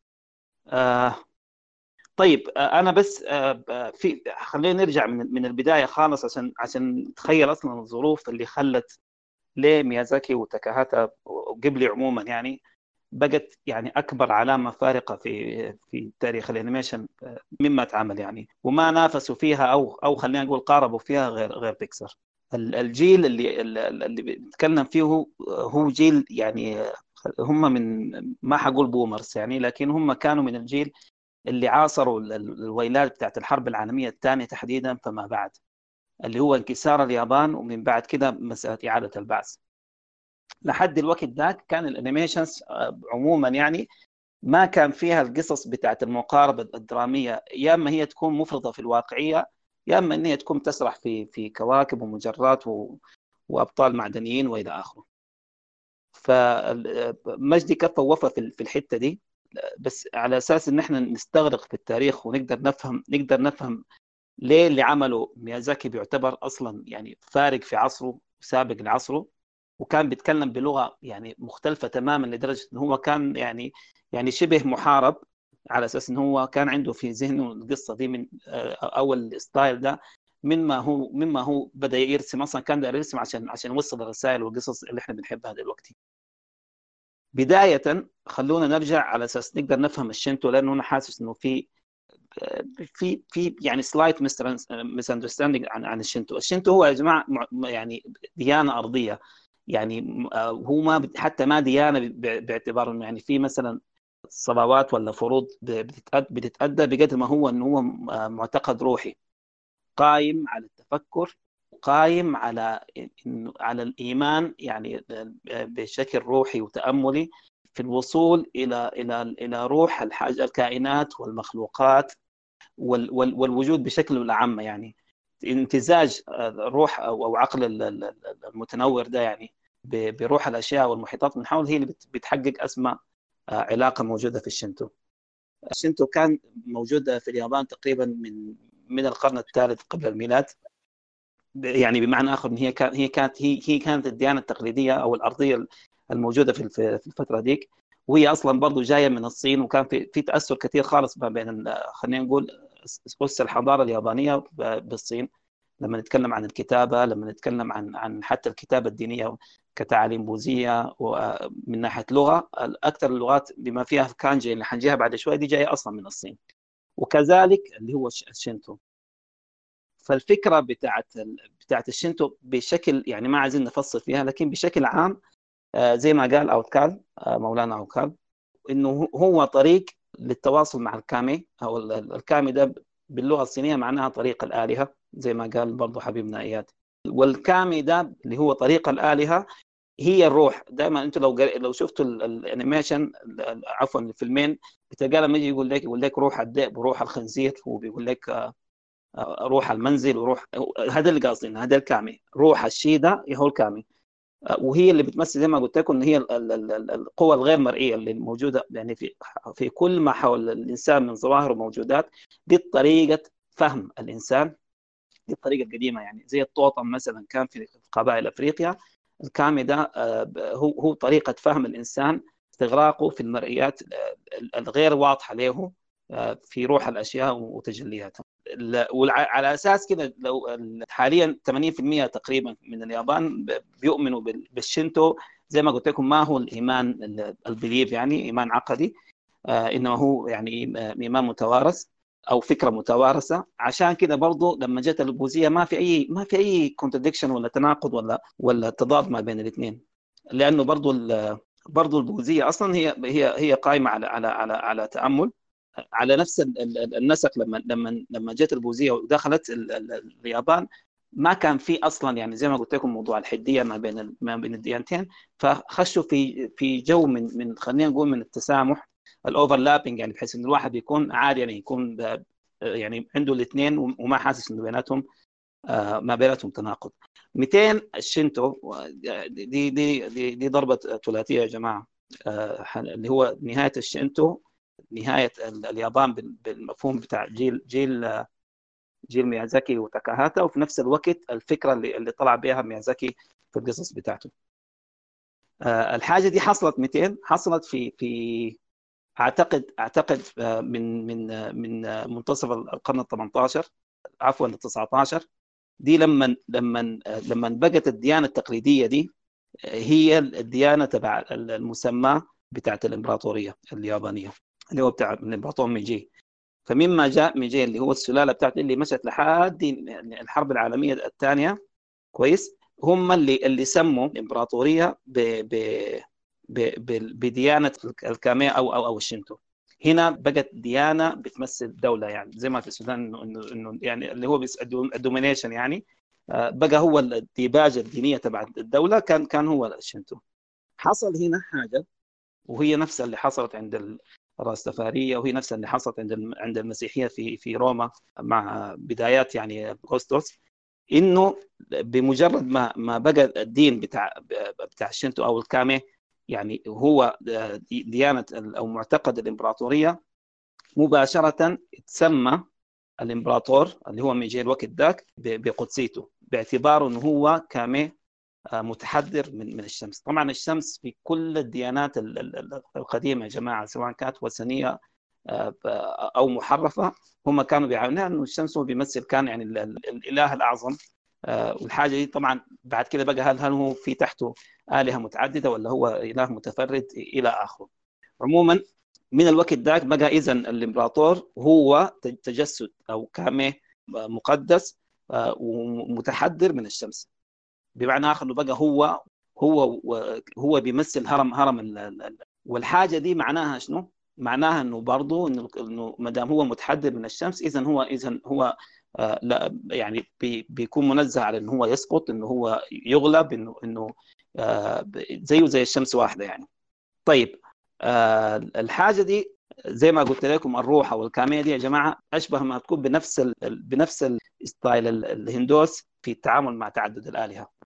إذا أنت قلت انه هو الفكرة انه هو التفكر إنه بتمثل روح الأشياء فكل الحاجات اللي حواليهم كل الحاجات عن بكرة بها بيكون عندها روح الروح دي يا إما روح سميت قبل كده يعني بقى عندها اسم وبعد كده بيعملوا لهم ال temple اللي قال عليه إياد أو إن هي ما تكون مسمات لكن زي ما قلت لك كان يعني مثلا كان في القرن ال 18 كانوا الناس لما بيمشوا بيكون عندهم طبعا مثلا الكاميل الموت أو أو آلهة الموت دي ما يعني عندهم بالهبل فكان كل واحد منهم بقى من التقاليد لما يكون ماشي في طريق عبر الغابة مثلا أو حاجة زي كده إنه هو بيقدم تقدمة على أساس إنه يعني آلهة الموت إن هي ترحمه أو إلى آخره.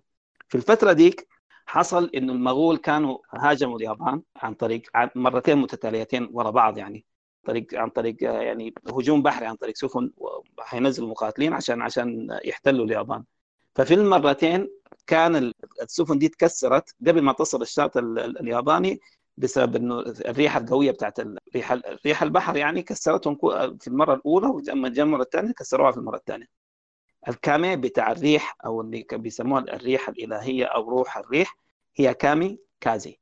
كامي كازي دين معروفين إن هم كانوا الفرقة بتاعت الطيران الياباني الانتحارية اللي اللي خربت بيت الأسطول الأمريكي في بيرل هاربور كان السبب اللي اللي خلى المسوغة يعني على أساس إنه إنه هيروشيما وناغازاكي تتضرب في 1945 في 1945 بعد الهزيمة المروعة اللي حصلت دي هنا كان الإمبراطور هيروهيتو كان هو اللي أعلن الهزيمة.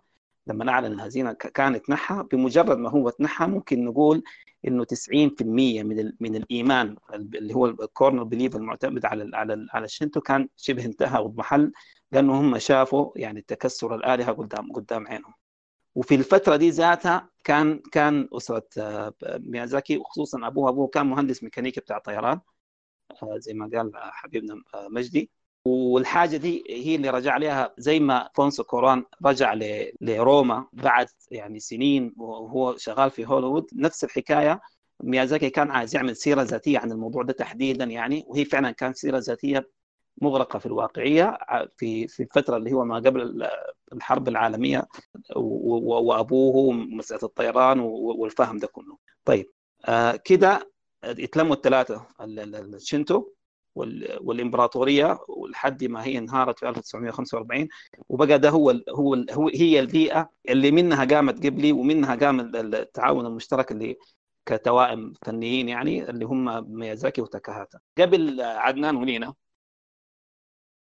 الناس دي كانوا مشوا اتذكر يعني في السبعينات يعني كانوا عايزين يعني دي كانت أتوقع إنه هو ده ال cornerstone على الفلسفة الجمالية والقصصية تبع تبع قبل استوديو إنه بالمناسبة قبل دي ذاتها يعني أنا فتشت كثير عشان توقعت إن هي واحدة من من الكاميهات ولا عشان أفهم يعني علاقته شنو بالاسم. طلعت طلع قبل ده ده كان هو اسم الدلع والنيك نيم تبع طيارة للمخترع أو مصنع الطائرات الإيطالي اللي هو كابروني.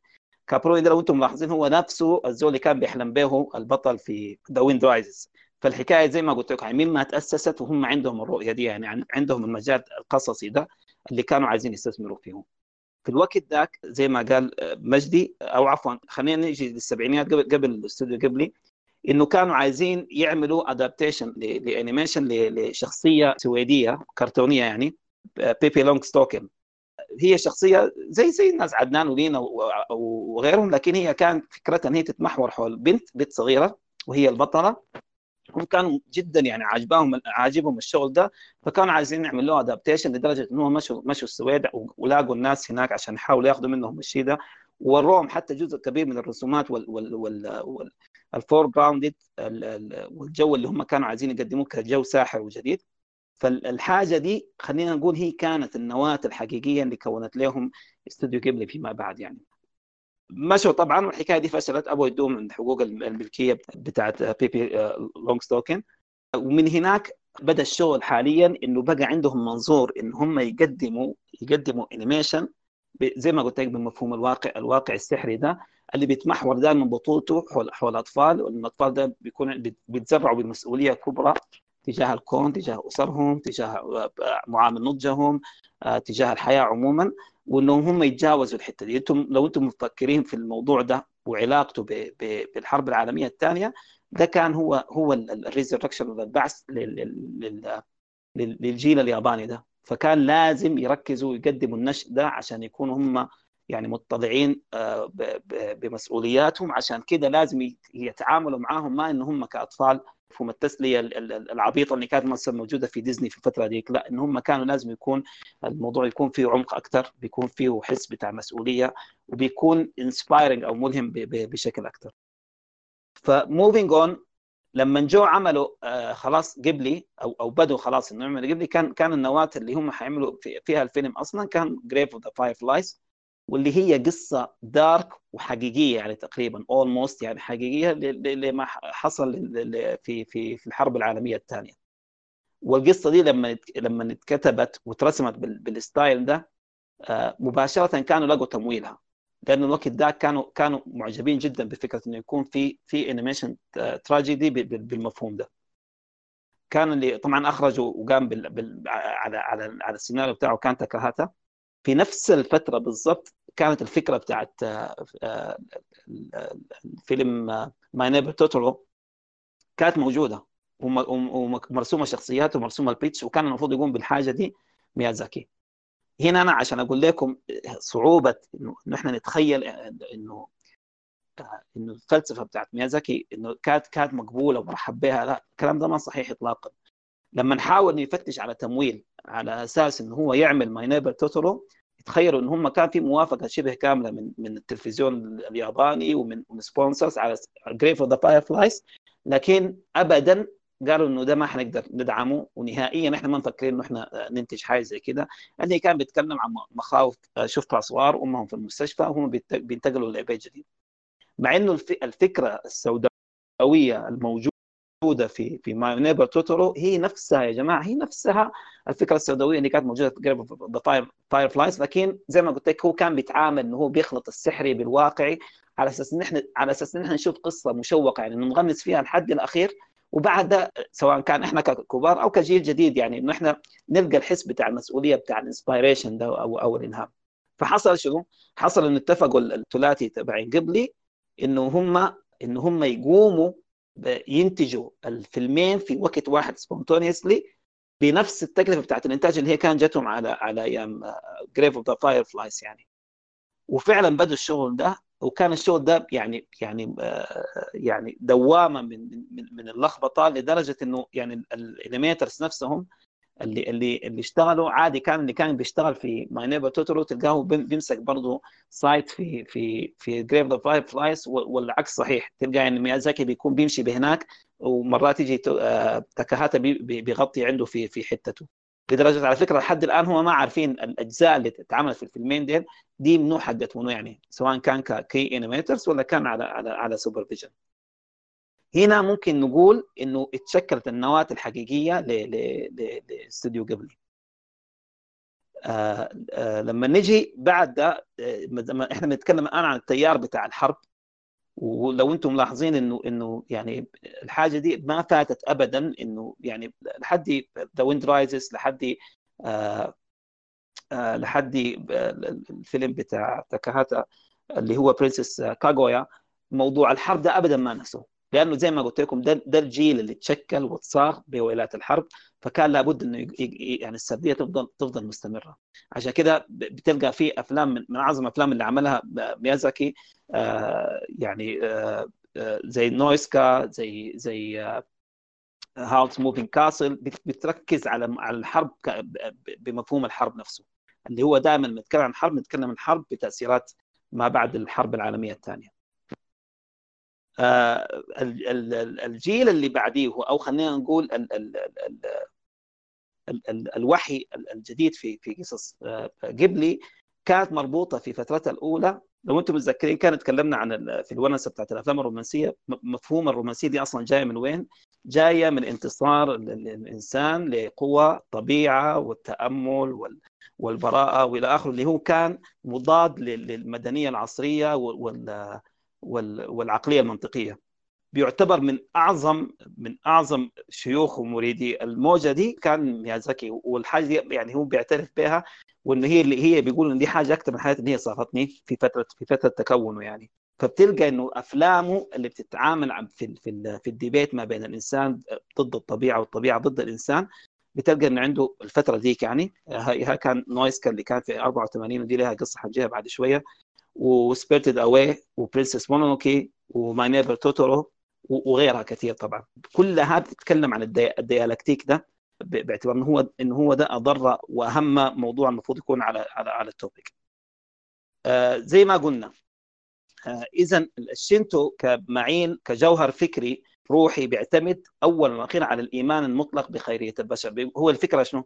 الفكرة إنه إنه البشر كلهم خيرين اتخلقوا هم خيرين وحيستمروا الحالة الثابتة عندهم ان هم ان هم خيرين. لكن بسبب الكاميز اللي هم اللي لها علاقة بالشر سواء كان يعني لها المرض والسوداوية والاكتئاب والتوحش والاخ إلى آخره الحاجات دي من كثر ما هي بتتردد لحد ما تكون لها بينج أو كينونة بتأثر الإنسان. فهي هي اللي بتديه فيه النزعات بتاعت الشر.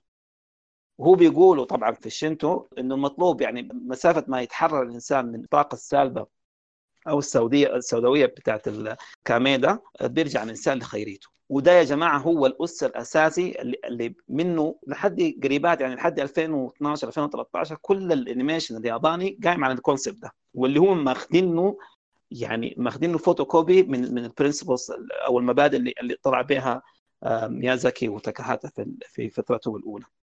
واحدة من الحاجات عشان ما أنساها اللي بتوريك إنه قد قد شنو إنه مولانا ميازاكي إنسان عظيم خالص إنه لما سألوه يعني القصص اللي قاعد تستهلك الآن وماخذ على نفس الجو بتاعكم كان بيقول عادي كده بيقول إحنا جيل أخذنا فترتنا وقدمنا القصة اللي إحنا عايزينها. أنا ما عايز من الجيل الجديد إنه هو يلتصق بينا وان هو يحاول إنه هو يحاكينا. أنا عايز الجيل الجديد إنه هو يطلع بحاجة جديدة بنفس مفهومهم ومدركاتهم عن الجيل وعن الحياة اللي هم بيعاصروها. طيب النقطة الثانية إضافة للشنتو عشان نقدر نشوفها في تحليلنا للفيلمين ديل تحديدا اللي هي الكانجي، الكانجي دي برضو زي ما قلت لكم هي هي عبارة عن عن لغة مكتوبة جاية من الصين أساسا وإنهم بيسموها ال honorable language أو اللغة التشريفية. عشان كده لما تلقى أي ياباني أو يابانية يعني بتسألها أو, أو تسأله اسمك أو اسمك منو بيقول أو تقول لك بيقول لك إنه اسمك فلان أو فلانة. كويس؟ بعد كده بتفنط الاسم يعني تقول مثلا اسمي سيهارا تقول لك سي معناها كده وهارا معناها كده إذا أنا اسمي بمعناه. دي, دي هذا إيه الكانجي الفكرة بتاعت اللي عملها ميازاكي بالذات يعني في إنه هو يعني يختصر ويختزل حاجات كثيرة في السرد على أساس يقدم لك قصة من دون أي تعقيدات. كويس. كان قايمة على إعادة اعتبار وتشخيص الكانجي والشنتو في في أفلامه. والوقت ذاك زي ما قلت لكم ما كان في ناس متخيلين حاجة. يعني على سبيل المثال يعني هو رجع لكل الفلكلور الياباني وحاول إن هو يستلهمه بحيث إن هو يقدم قصة ما موغله في المحلية بحيث الناس تكون ملخبطة. بقدر إن هي تكون يعني مفهومة مطروقه للمشاهد العالمي. وفي نفس الوقت انه هو يقدم قصة معتمدة 100% على بطل أو بطلة من الأطفال يكون هو قدام قدام قدام معضلات كبرى وكيف انه هو بيتجاوزها وكيف انه هو ممكن يقع ويقوم حتى يصل لحتته كده إحنا تقريبا خلينا نقول عملنا overall على مدرسة ميازاكي أو مدرسة جيبلي تحديدا بالذات ميازاكي. ميازاكي قلت لكم كان يعني قبل ما نصل لفلسفه سينما كوينتين تارنتينو التقاطعات اللي موجودة في عالمه ما بين الشخصيات تبع الأفلام وما بين سينما واقعية وسينما حقيقية وسينما بتاعت إعادة تاريخ عمل الحاجة دي طبعا ميازاكي من بدايته بالذات من الثمانينات. بتلقى إنه في تقاطعات ما بين شخصيات وما بين حبكات فرعية. يعني على سبيل المثال روح السخام ده أو اللي هو تبع الفحم ده في Spirited Away أول مرة كان وظفه في في My Neighbor Totoro ده اللي أنا بقول لك على أساس إنه كيف إنه إحنا نفهم نفهم انه الشنتو ده هو شنو. الحاجة دي مع حاجة physical يعني يعني أنت بتكون قاعد في الشمس مدة طويلة وبتيجي خاشي بيت أو أو أو أو غار أو حتة مقفولة. الظاهر اللي بيسموها الناس بيسموها الفيزيائيين لعاب الشمس. إنك أنت بتشوف في حاجة في في, في ال perspective بتاع نظرك زي إنه في حياة بتتحرك عاملة زي الشعر. أو بتكون عاملة كده زي زي الحاجات المفلفلة مفلفلة. فدي كان عاديا الفلكلور الياباني بيقول ده اللي هو روح السخام ده إنه الحاجة دي حلها لو أنتم متذكرين اللي شاف My Neighbor Totoro إنه تضحك بصوت عالي بتخلي الحياة تقوم تطلع من ال من ال من البيت.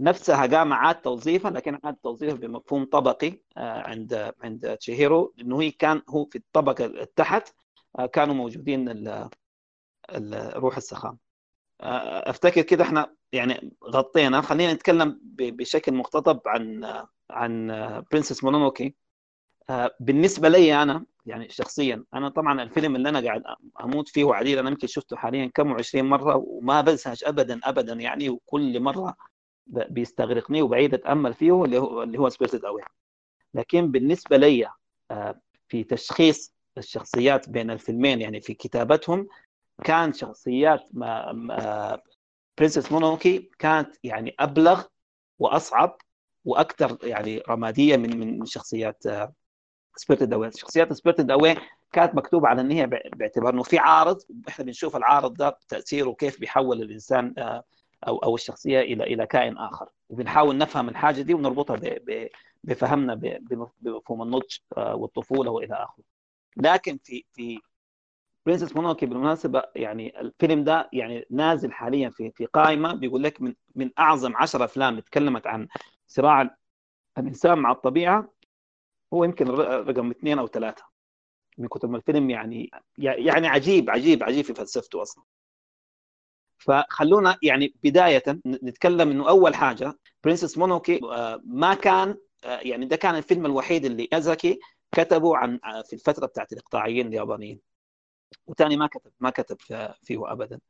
لو رجعنا للكانجي Princess Mononoke دي الترجمه الإنجليزية لها. مترجمة من hime مونونوكي hime دي لما بيقولوها زي سان لما يعني هو لقب زي زي سعادتك زي مولانا زي زي كده. هو لقب بي بي بيتقال زي الدون مثلا والدونة اللي بيرمز انه إنه له علاقة بالأمراء أو الأميرات. فهي مونونوكي أصلا ترجمت حرفيا ل Princess Mononoke مع إنه مع إن هي اسمها ما مونونوكي اسمها الحقيقي هو سان بالمناسبة.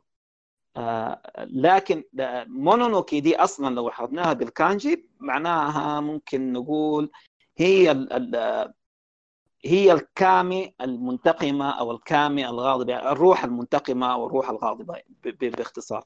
واللي هي كانت متمثلة في روح الذئب أو ال أو ال أو المورو. آه ليه هي ليه هي البطلة؟ مع انه مع إنه عفوا ليه الاسم الفيلم باسمها مع إنه المنظور كامل البطل كان اللي هو أشتكى. لأنه هي بالضبط آه هي أكثر الشخصيات في كل شخصيات الفيلم اللي أخذت موقف ما يعني balance ميزان يعني أخذت موقف وتجاوزت الميزان ده عشان تصف بشكل متطرف عشان عشان قضية ضد ضد ماهيتها هي ذاتها.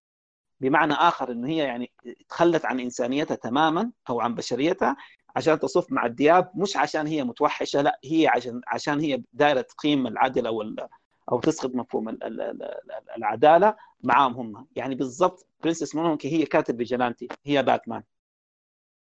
فعشان كده هو دي الروح اللي بتمثل ميازاكي. على هالأساس بقى الاسم الفيلم باسمها هي ما ما كان بيكا اشتكى كان هو هو هي الشخصية المتأملة. عشان كده هم بقوا البطل. في المرحلة الإقطاعية اللي إحنا كنا نتكلم عنها هو كان موجود فيه اللي هو الإمبراطور وكان في اللي هم رؤساء القبائل وكان في الرهبان طبعا اللي هم كانوا بيكون عندهم حياة شبه معتزلة. وعندهم بداية المدنية اللي كان كان بدأت مع مع القرن ال 18 اللي اللي جت من برا. لما نجي نشوف الحاجة من يعني بعتبرها من يعني من أجمل ال signature الموجودة عند عند ميازاكي غير غير جو القصة وغير إنه هي بتكون متمحوره حول أبطال هم عبارة عن صغار وإحنا بنشوف مسيرة النضج بتاعتهم. يا أخي عنده حاجة عجيبة خالص إنه كل أفلامه اللي بيعملها ميازاكي ما بيكون عنده سكريبت واضح أصلا مما مما يبدأ يعمله زي ما قال مجدي.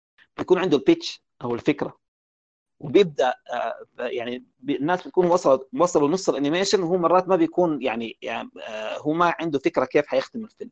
ومع كده الزول ده عنده لياقة مشدودة وهائله جدا في ال storytelling أو في فن فن حكاية القصص بشكل مخيف. كل أفلامه اللي إحنا حنتكلم عنها بنلقى في حاجة اسمها الحدث المحفز. الحدث المحفز ده يعني هو مباشرة بيخليك تفهم عقدة البطل والجو العام وأول حدث بيحصله بعد ده خلاص القصة حتتحول 180 درجة لمسار ثاني ودي حاجة داير لها يعني داير لها فهم داير لها شغل.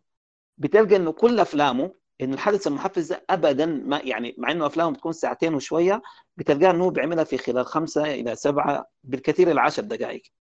يعني يعني أنا أتذكر إنه مثلا Howl's Moving Castle كان حدث محفز في خمسة دقائق. Spirited Away تقريبا كان في في 11 أو أو 12 دقيقة. Princess Mononoke كان في سبع دقائق. ويعني which يعني يعني so magnificent بيبدأ بتبدأ القصة مباشرة من خلال من خلال أشيتاكا اللي هو اللي هو الراهب اللي كان بيركبوا اللامة. مش هو اللامة هو هو ايل يعني نوع معين من الايل والحاجة دي كانت موجودة فعلا يعني عند الرهبان. حتى رهبان التبت كان عندهم الحاجة دي. حصل إن هو بموقف بطولي على أساس على أساس إن هو يحافظ على على على أسرته أو أو على قريته. إن هو لاقى الروح بتاع الخنزير البري ده. وقفوه منه منه جاء اللي هو مفهوم. خلينا نقول الكونتاجس ولا هو العدوى بتاعت بتاعت روح الشر. هو ده اللي أنا بقول لك الأصل فيهم الخيرية لكن بيجيهم الحاجة دي كعارض بمجرد ما جاءه الشيء ده آه خلينا نقول انه إنه عشيرته يتبروا منه إنه هو وهم قالوا أمشي فتش عشان تشوف حل للحاجة اللي حصلت لك دي لأنه أنت خلاص كده يعني حلت عليك اللعنة وإنك أنت المفروض تحاول إنك تلحق نفسك قبل ما قبل ما تموت. وهنا بقى عنده الرحلة بتاعت questing وهي نفس الرحلة بتاعت questing اللي كانت موجودة عند عند شيهيرو في في Spirited Away لكن هذيك كانت كانت على أساس هي بس كل العادة ان هي ترجع لعالمها القديم.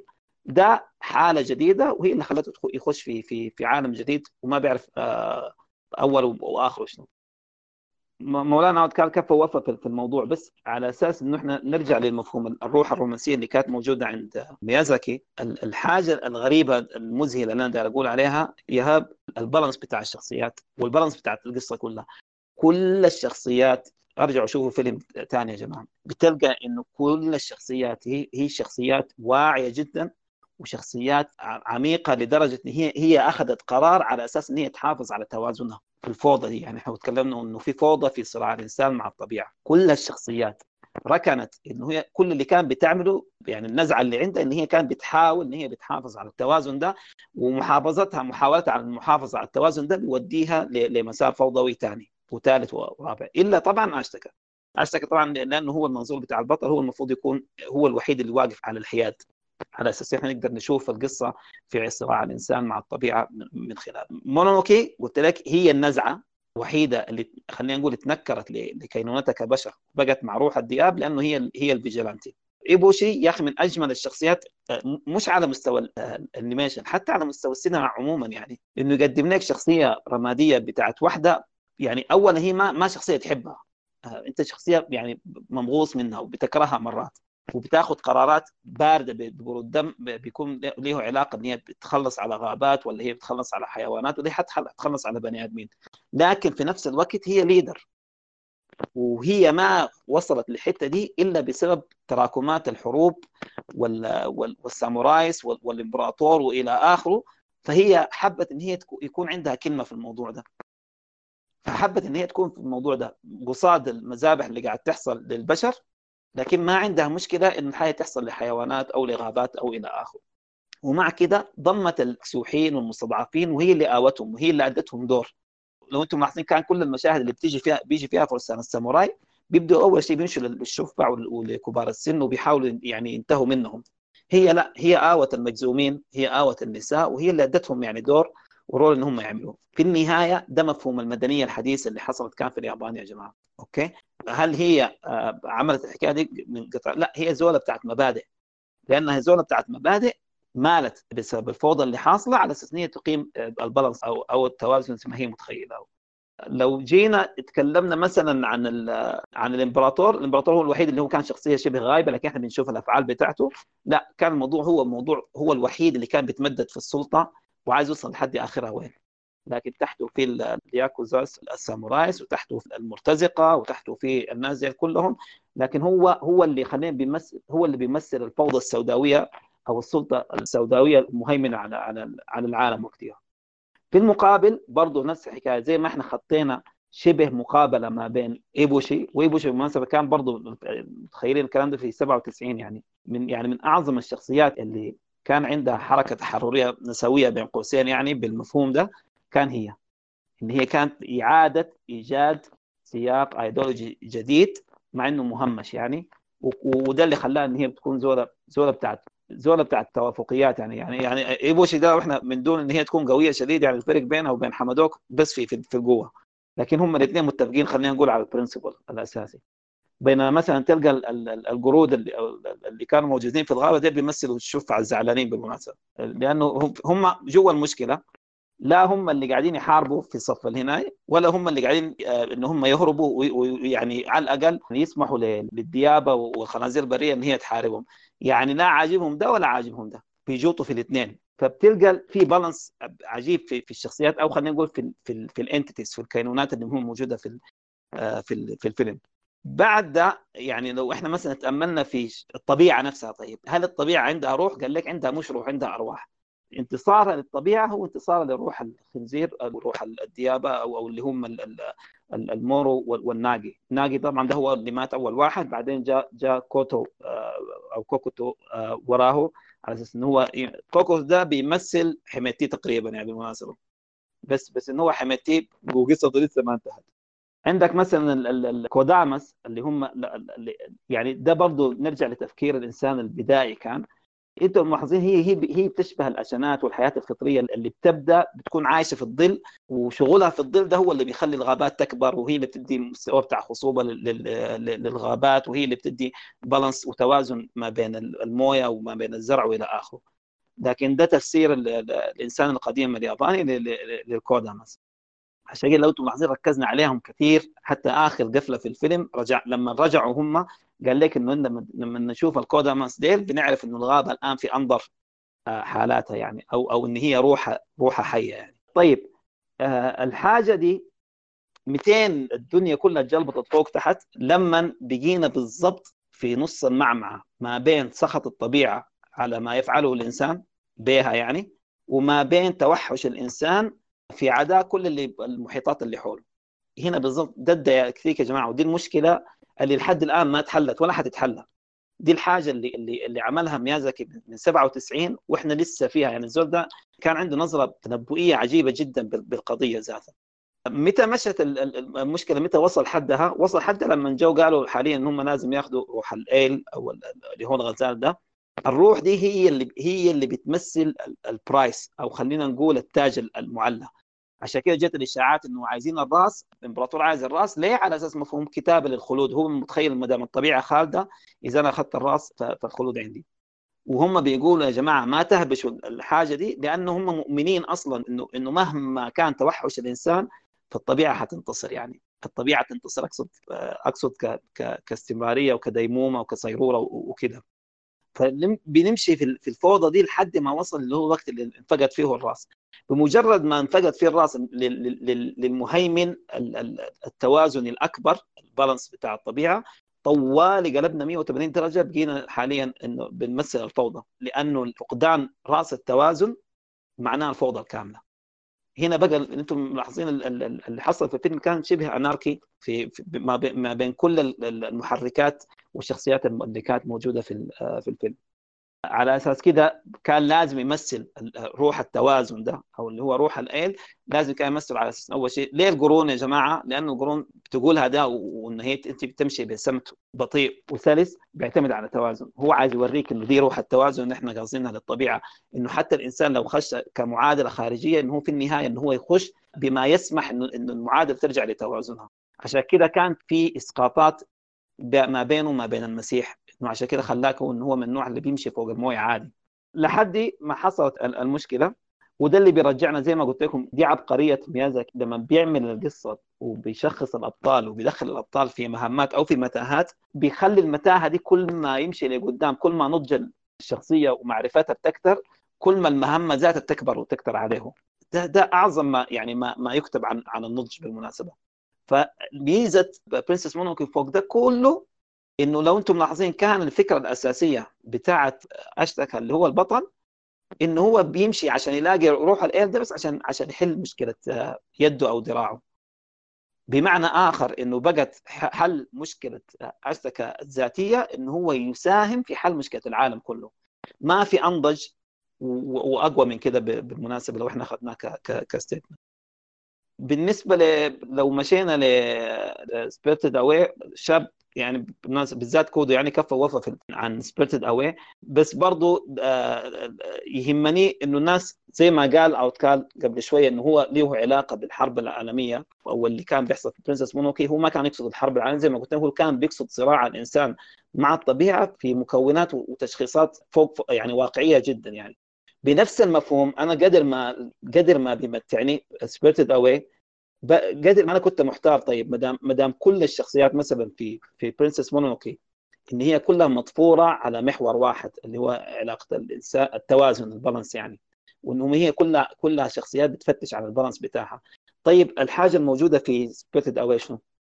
لقيت إنه إنه Spirited Away أصلا هي رحلة الإنسان أو خلينا نقول مش الإنسان النشء الجديد يعني في البحث عن عن النضج. تطلع من عالم الطفولة لعالم البلوغ والكبر يعني. البطلة زي ما قلت لكم بيحل الحبكة بتاعت حدث المحفز سريع خالص. بنلقى إنه هي مقابل العالم كله العالم كله من خلال الشخصيات الموجودة في العالم كله بما فيها أبوها وأمها. بما فيها أبوها وأمها اللي هم بيعتبروا يعني هو بيقول زي ما أنتم متذكرين كلامنا عن الشنتو وإنه الشر عبارة عن آفة يعني مما تجعل الإنسان هو بتطلع عنده النوازع هو بيقول لك إنه البلوغ تخش في عالم الرجال والنساء يعني دي لعنة. ده بحد ذاته شر. ليه؟ لأنه هو بيشيئك وبيحيدك من براءتك بيحيدك من منظورك البريء للعالم والكون بيخليك أنت زول جاف أكثر بيخليك أنت زول معتزل أكثر بيخليك أنت زول أناني أكثر بيقول لك دي كل المشاكل دي حصلت ليه؟ عشان إحنا كبرنا ودخلنا في دوامة بتاعت المدنية الحديثة فلازم نلهس مع اللاهفين. لهافنا ده هو اللي بيخلي بيخلي السوداوية دي بتجينا. حلنا شنو؟ حلنا إن إحنا نتمسك ببراءتنا اللي هي موجودة في طفولتنا. عشان كده الفيلم مما بدأ بدأ بالديالكتيك ده. البنت اللي هي هم ماشيين هذه المرحلة بتاعت الترانزيشن يا جماعة. إن هي طالعة من من وهي طفلة تمشي بيت جديد وعالم جديد. خوفها من العالم الجديد ده خوفها من عالم النضج ده. okay؟ هي اللي مخليها شبه مكتئبة. وقالت حتى هي قالت قالت إنه أنا ما أخذت يعني ما جاني ورد إلا لما أنا جيت لما جاي ودعوني. بمفهوم الطفلة دي الطفولة عندنا شنو يا جماعة؟ أسهل ما يكون إنه كل ما بتحصل لنا مشكلة في طفولتنا يعني بنتمنى إن هي تمشي لنقيضة طوال يعني.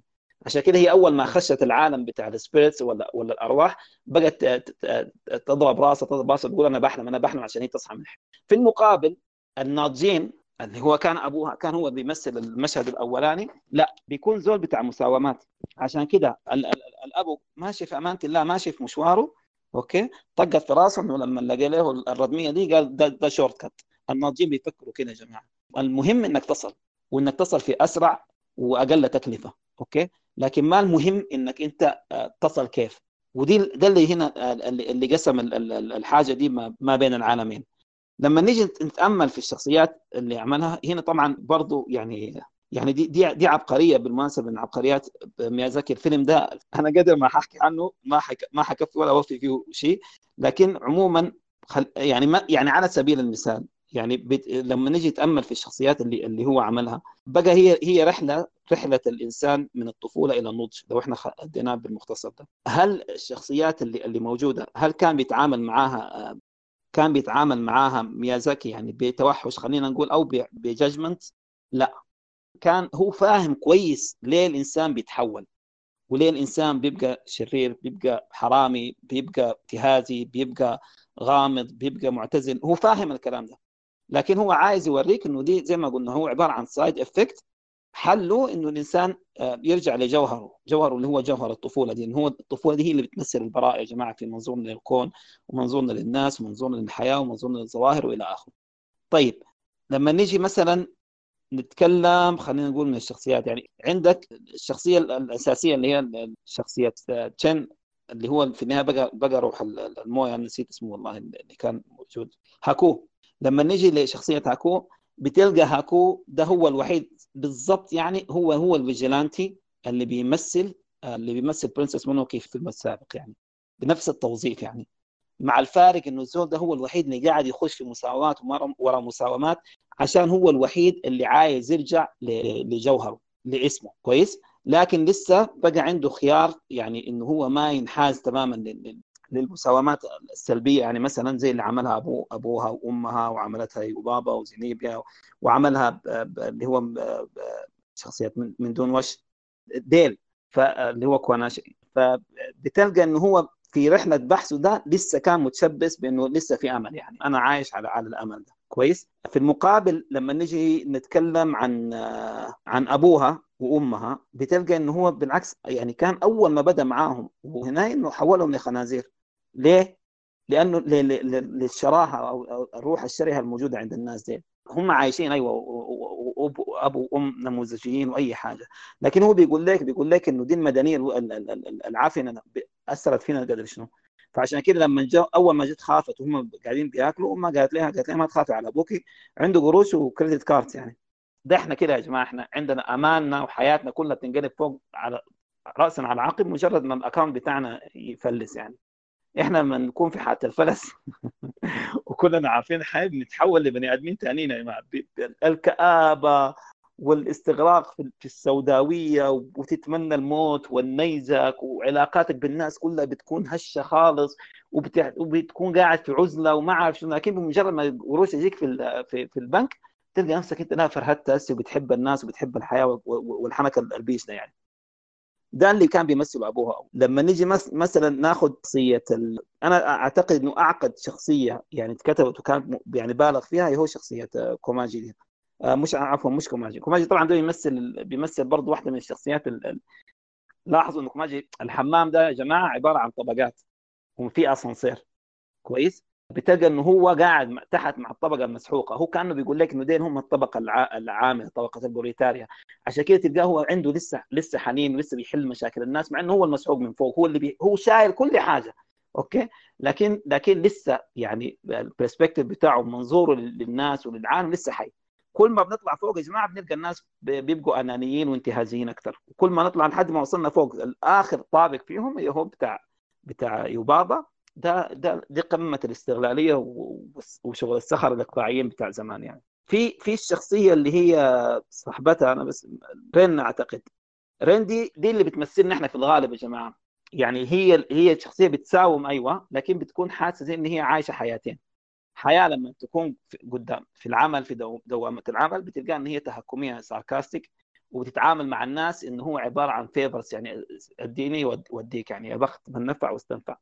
لكن في نفس الوقت اللي الحاجة اللي هي بتعملها دي هو عبارة عن defense mechanism على أساس إن هي تحافظ على نفسها وعلى ذاتها زي ما كان حاولت بتعمل بتعمل تشيهيرو برضه كان في روح الفجل بالمناسبة يعني كان برضه من, من أجمل الأفتات اللي كانت موجودة. هو بيتكلم عن الجيل القديم يعني بيتكلم عن العجائز.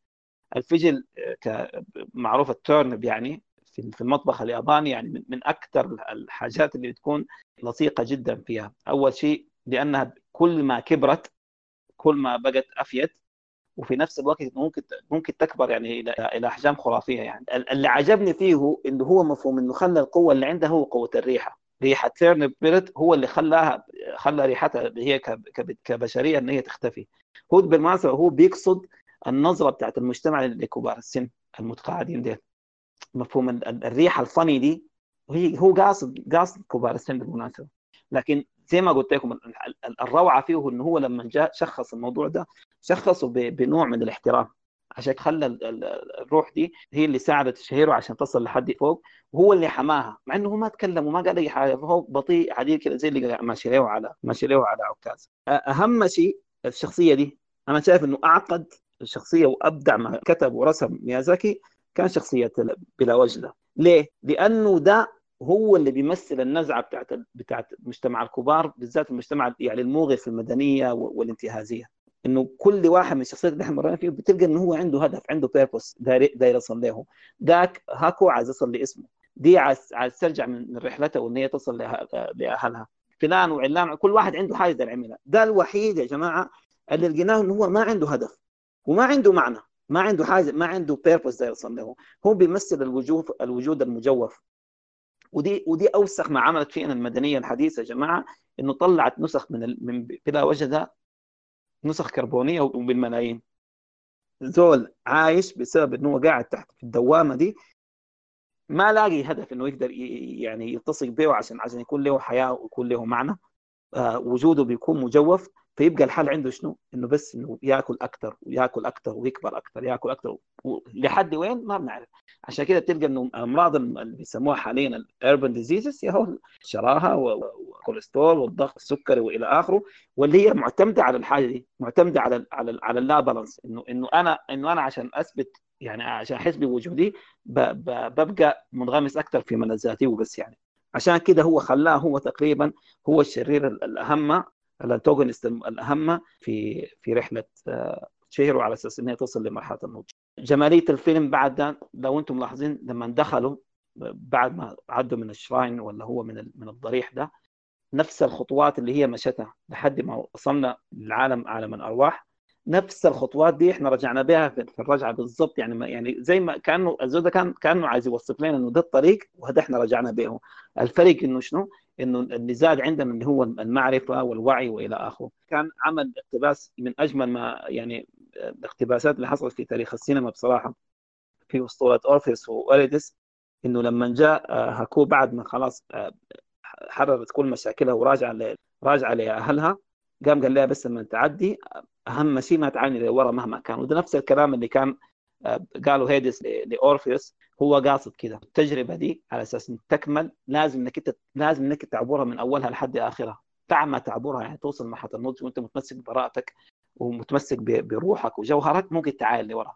لكن طول ما أنت في في نص الطريق وبتعاين لورا بتعاين لورا ما حيحصل لك حاجة غير غير المشاكل والاكتئاب وإلى آخره. حختم إنه ميازاكي ليه شنو كان عظيم إنه كان زول بتاع مبادئ. لما أخذ أوسكار في عن Spirited Away كانت التقدمة دي يا جماعة كان هي تعتبر يعني من, من أهم التقديمات بتاعت الأوسكار. ليه؟ لأنه كان أول فيلم animation عالمي كويس ياخذ ياخذ جائزه بتاعت أوسكار.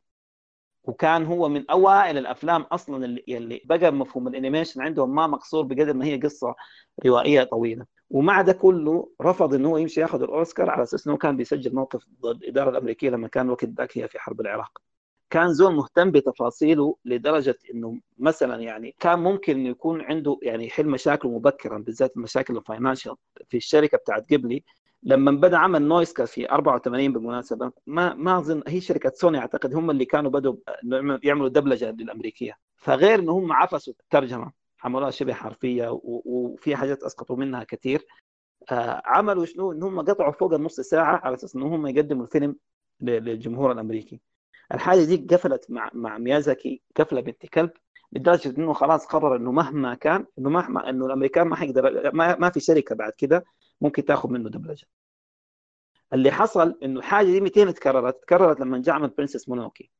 الوقت ده كان هارفي وانستين أظن هارفي وانستين وفي في Miramax وبعد ذاك جت ديزني على أساس هي خلاص توقع مع عقد طوالي يعني بتاعت وكالة إن هم يعني يدبلجوا أفلامه كلها. لما هارفي وانستين لما شاف الفيلم عجبه شديد خالص وقام قال له okay لكن أنا بس عندي إنه أنا عايز بقى في مفاوضات في في المسميات. يعني مثلا الأسماء دي ذات انه لازم يراعوا الترجمة لازم تكون توحي بالمعنى الياباني.